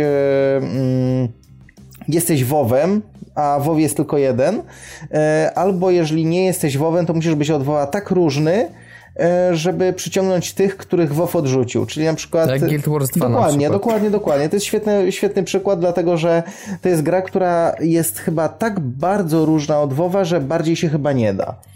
I jak już to zrobię jeszcze dygresję dygresji, jako tak spinając trochę też różne tematy, o których dzisiaj mówiliśmy, ponieważ do Guild Wars 2 ma wyjść mhm. dodatek i twórcy powiedzieli, że oni nie dodadzą nowych reweli, ani nie dodadzą dużo potężniejszych przedmiotów od tych, które są w grze, dlatego, że oni mają w planach, żeby gracze, którzy na przykład nie kupią dodatku, czy po prostu dalej chcą, nie wiem, kupić dodatek, ale zdobywać tylko wiedzę na temat fabuły w grze, żeby ich e, cały zestaw e, przedmiotów był tak samo potężny po premierze nawet tak? dodatku, a nie tak jak mamy w Destiny, że wychodzi na przykład DLC i wszystkie twoje przedmioty, które wpakowałeś na przykład 8 godzin w ich upgrade, no to w tym momencie są po prostu do kosza i nic nie warte. Co więcej... Więc to jest świetny przykład, że można tak Co zrobić więcej... i jakoś nie boją się zmniejszenia Jasne. zysków z tytułu sprzedaży. Co więcej jeszcze, e, skoro już, już tak jesteśmy przy tym temacie, e, powiedzieli, że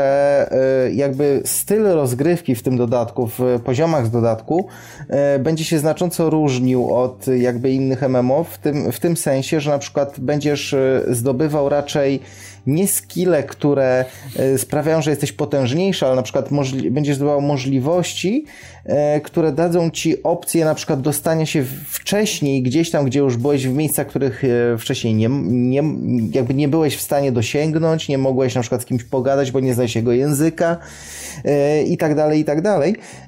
I bardzo wiele razy powtarzali się, że wzorują się tutaj na Zeldzie. Więc e, co mnie troszeczkę zaskoczyło, ale może być naprawdę fajne, bo czegoś takiego jeszcze w MMO w ogóle nie kojarzę. Dokładnie, czyli można, próbować można. Oczywiście. I to jest świetny przykład na to, że warto eksperymentować i tutaj e, także taka rada dla twórców, taki odcinek nam wyszedł pełen dobrych rad, mm, e, tak. żeby po prostu no, zaryzykować czasem i stworzyć coś nowego. Musimy, podesła- jeszcze... musimy, musimy podesłać odcinek do EA, żeby sobie przesłuchali. Tak, najlepiej niech wszyscy we tak. wszystkich firmach przesłuchają, bo zawsze to można karść pomysłów. Jeśli słuchają nas jacyś deweloperzy, to liczy, że w waszych produkcjach też fajne mechaniki. Może was zainspirujemy do czegoś, także polecamy się. Jak co, to możecie nas umieścić w kredytach. Nie obrazimy się. Dokładnie. E, mieliśmy w tym odcinku porozmawiać jeszcze na tematy sprzętowe, ale jako, że licznik nam już dosyć złowieszczo bije prawie dwie godziny, no to przerzucimy to sobie na kolejną, e, na kolejny odcinek po prostu. I powiem jeszcze na temat premiery w tym tygodniu. Tutaj na całość myślę, że sobie Szymon dosyć ostrzy zęby, bo mm -hmm. mowa jest o grze Evolve. Tak, tak, dokładnie. Która pojawia się na konsolach nowej generacji oraz na PC. Więc potwierdzasz chęć zakupu na premierę, czy raczej jeszcze się wstrzymasz? Wiesz co, nie wiem, czy to będzie day one, ale może to będzie day two. ja, po prostu, ja, ja, po prostu, ja po prostu muszę się tylko upewnić, że e, wiesz, że zbie- no, wyruszając w podróż zbierz drużynę, tak? Więc e, jak zbiorę no, drużynę, to, wtedy, to wtedy tak, nie? Mhm. I jeśli chodzi o datę premiery, no to światowa jest 10 e, lutego, także jak tego słuchacie w poniedziałek, no to już jutro. E, no i pra prawdopodobnie gra też już powinna być u nas dostępna w tym czasie, ale wiadomo jak to z tymi premierami jest. Nieraz, nieraz poda podawane są daty piątkowe, nieraz daty wtorkowe, więc... Ale wiesz co, Robert, jeszcze może a propos sprzętu, może powiemy, co będzie w przyszłym odcinku, dlatego, że e, no, są informacje takie z grupy naszej, że część ludzi liczyło na e, przynajmniej test jednego ze sprzętów, który, który mamy, okay. przy, mamy przygotowany, więc może powiemy, co, co będzie w przyszłym odcinku na pewno. Dobrze, no to zapowiedź przyszłego odcinka, po prostu tak serialowo nam się zrobiło. Mhm. Kończymy cliffhangerem, ale dla odmiany wyjaśnimy, o co chodzi. E, ponieważ ja mam od miesiąca PlayStation Gold Wireless Stereo Headset e, i podzielę się wrażeniami właśnie tego oficjalnego headsetu do PS4. Natomiast Szymon e, zakupił Xbox One TV adapter, który umożliwia podłączenie telewizji do Xboxa, mhm. na przykład zwykłej kablówki bądź no po prostu nawet antenowej naziemnej, mhm. czyli tak, tak. DVB-T. Także, no i jest, mam garść e, takich ciekawych informacji, szczególnie dla regionu e, świata, w którym mieszkamy, bo mm, nie jest to do końca chyba tak, jak e, sobie większość ludzi wyobraża. No ale mówię, no niestety będziecie musieli poczekać do następnego odcinka, bo ze względu na czas, no, no nie wyrobiliśmy się, także z góry przepraszamy i e, po prostu słuchajcie w następnym odcinku, na pewno dużo ciekawych rzeczy się dowiecie na ten temat. Dokładnie tak. E, no to co, ja powoli będę się żegnał. Jeszcze przypomnę o tym, żeby odwiedzać naszą stronę internetową www.padtv.pl, nasz profil na Facebooku oraz grupę, która tam się znajduje, a także profil na Twitterze. E, nasz e, podcast jest dostępny także na platformach Retro Rocket Network oraz w radiu GRM. Ja już Wam bardzo dziękuję za uwagę. Nazywam się Robert Fiałkowski i prowadziłem dzisiejszy odcinek, a ze mną był jeszcze Piotrek Mozelewski. Dzięki wielkie. Szymon Zalichta. Trzymajcie się ciepło. I Tomek Dietrich. Dzięki, trzymajcie się. Do usłyszenia za tydzień. Hej.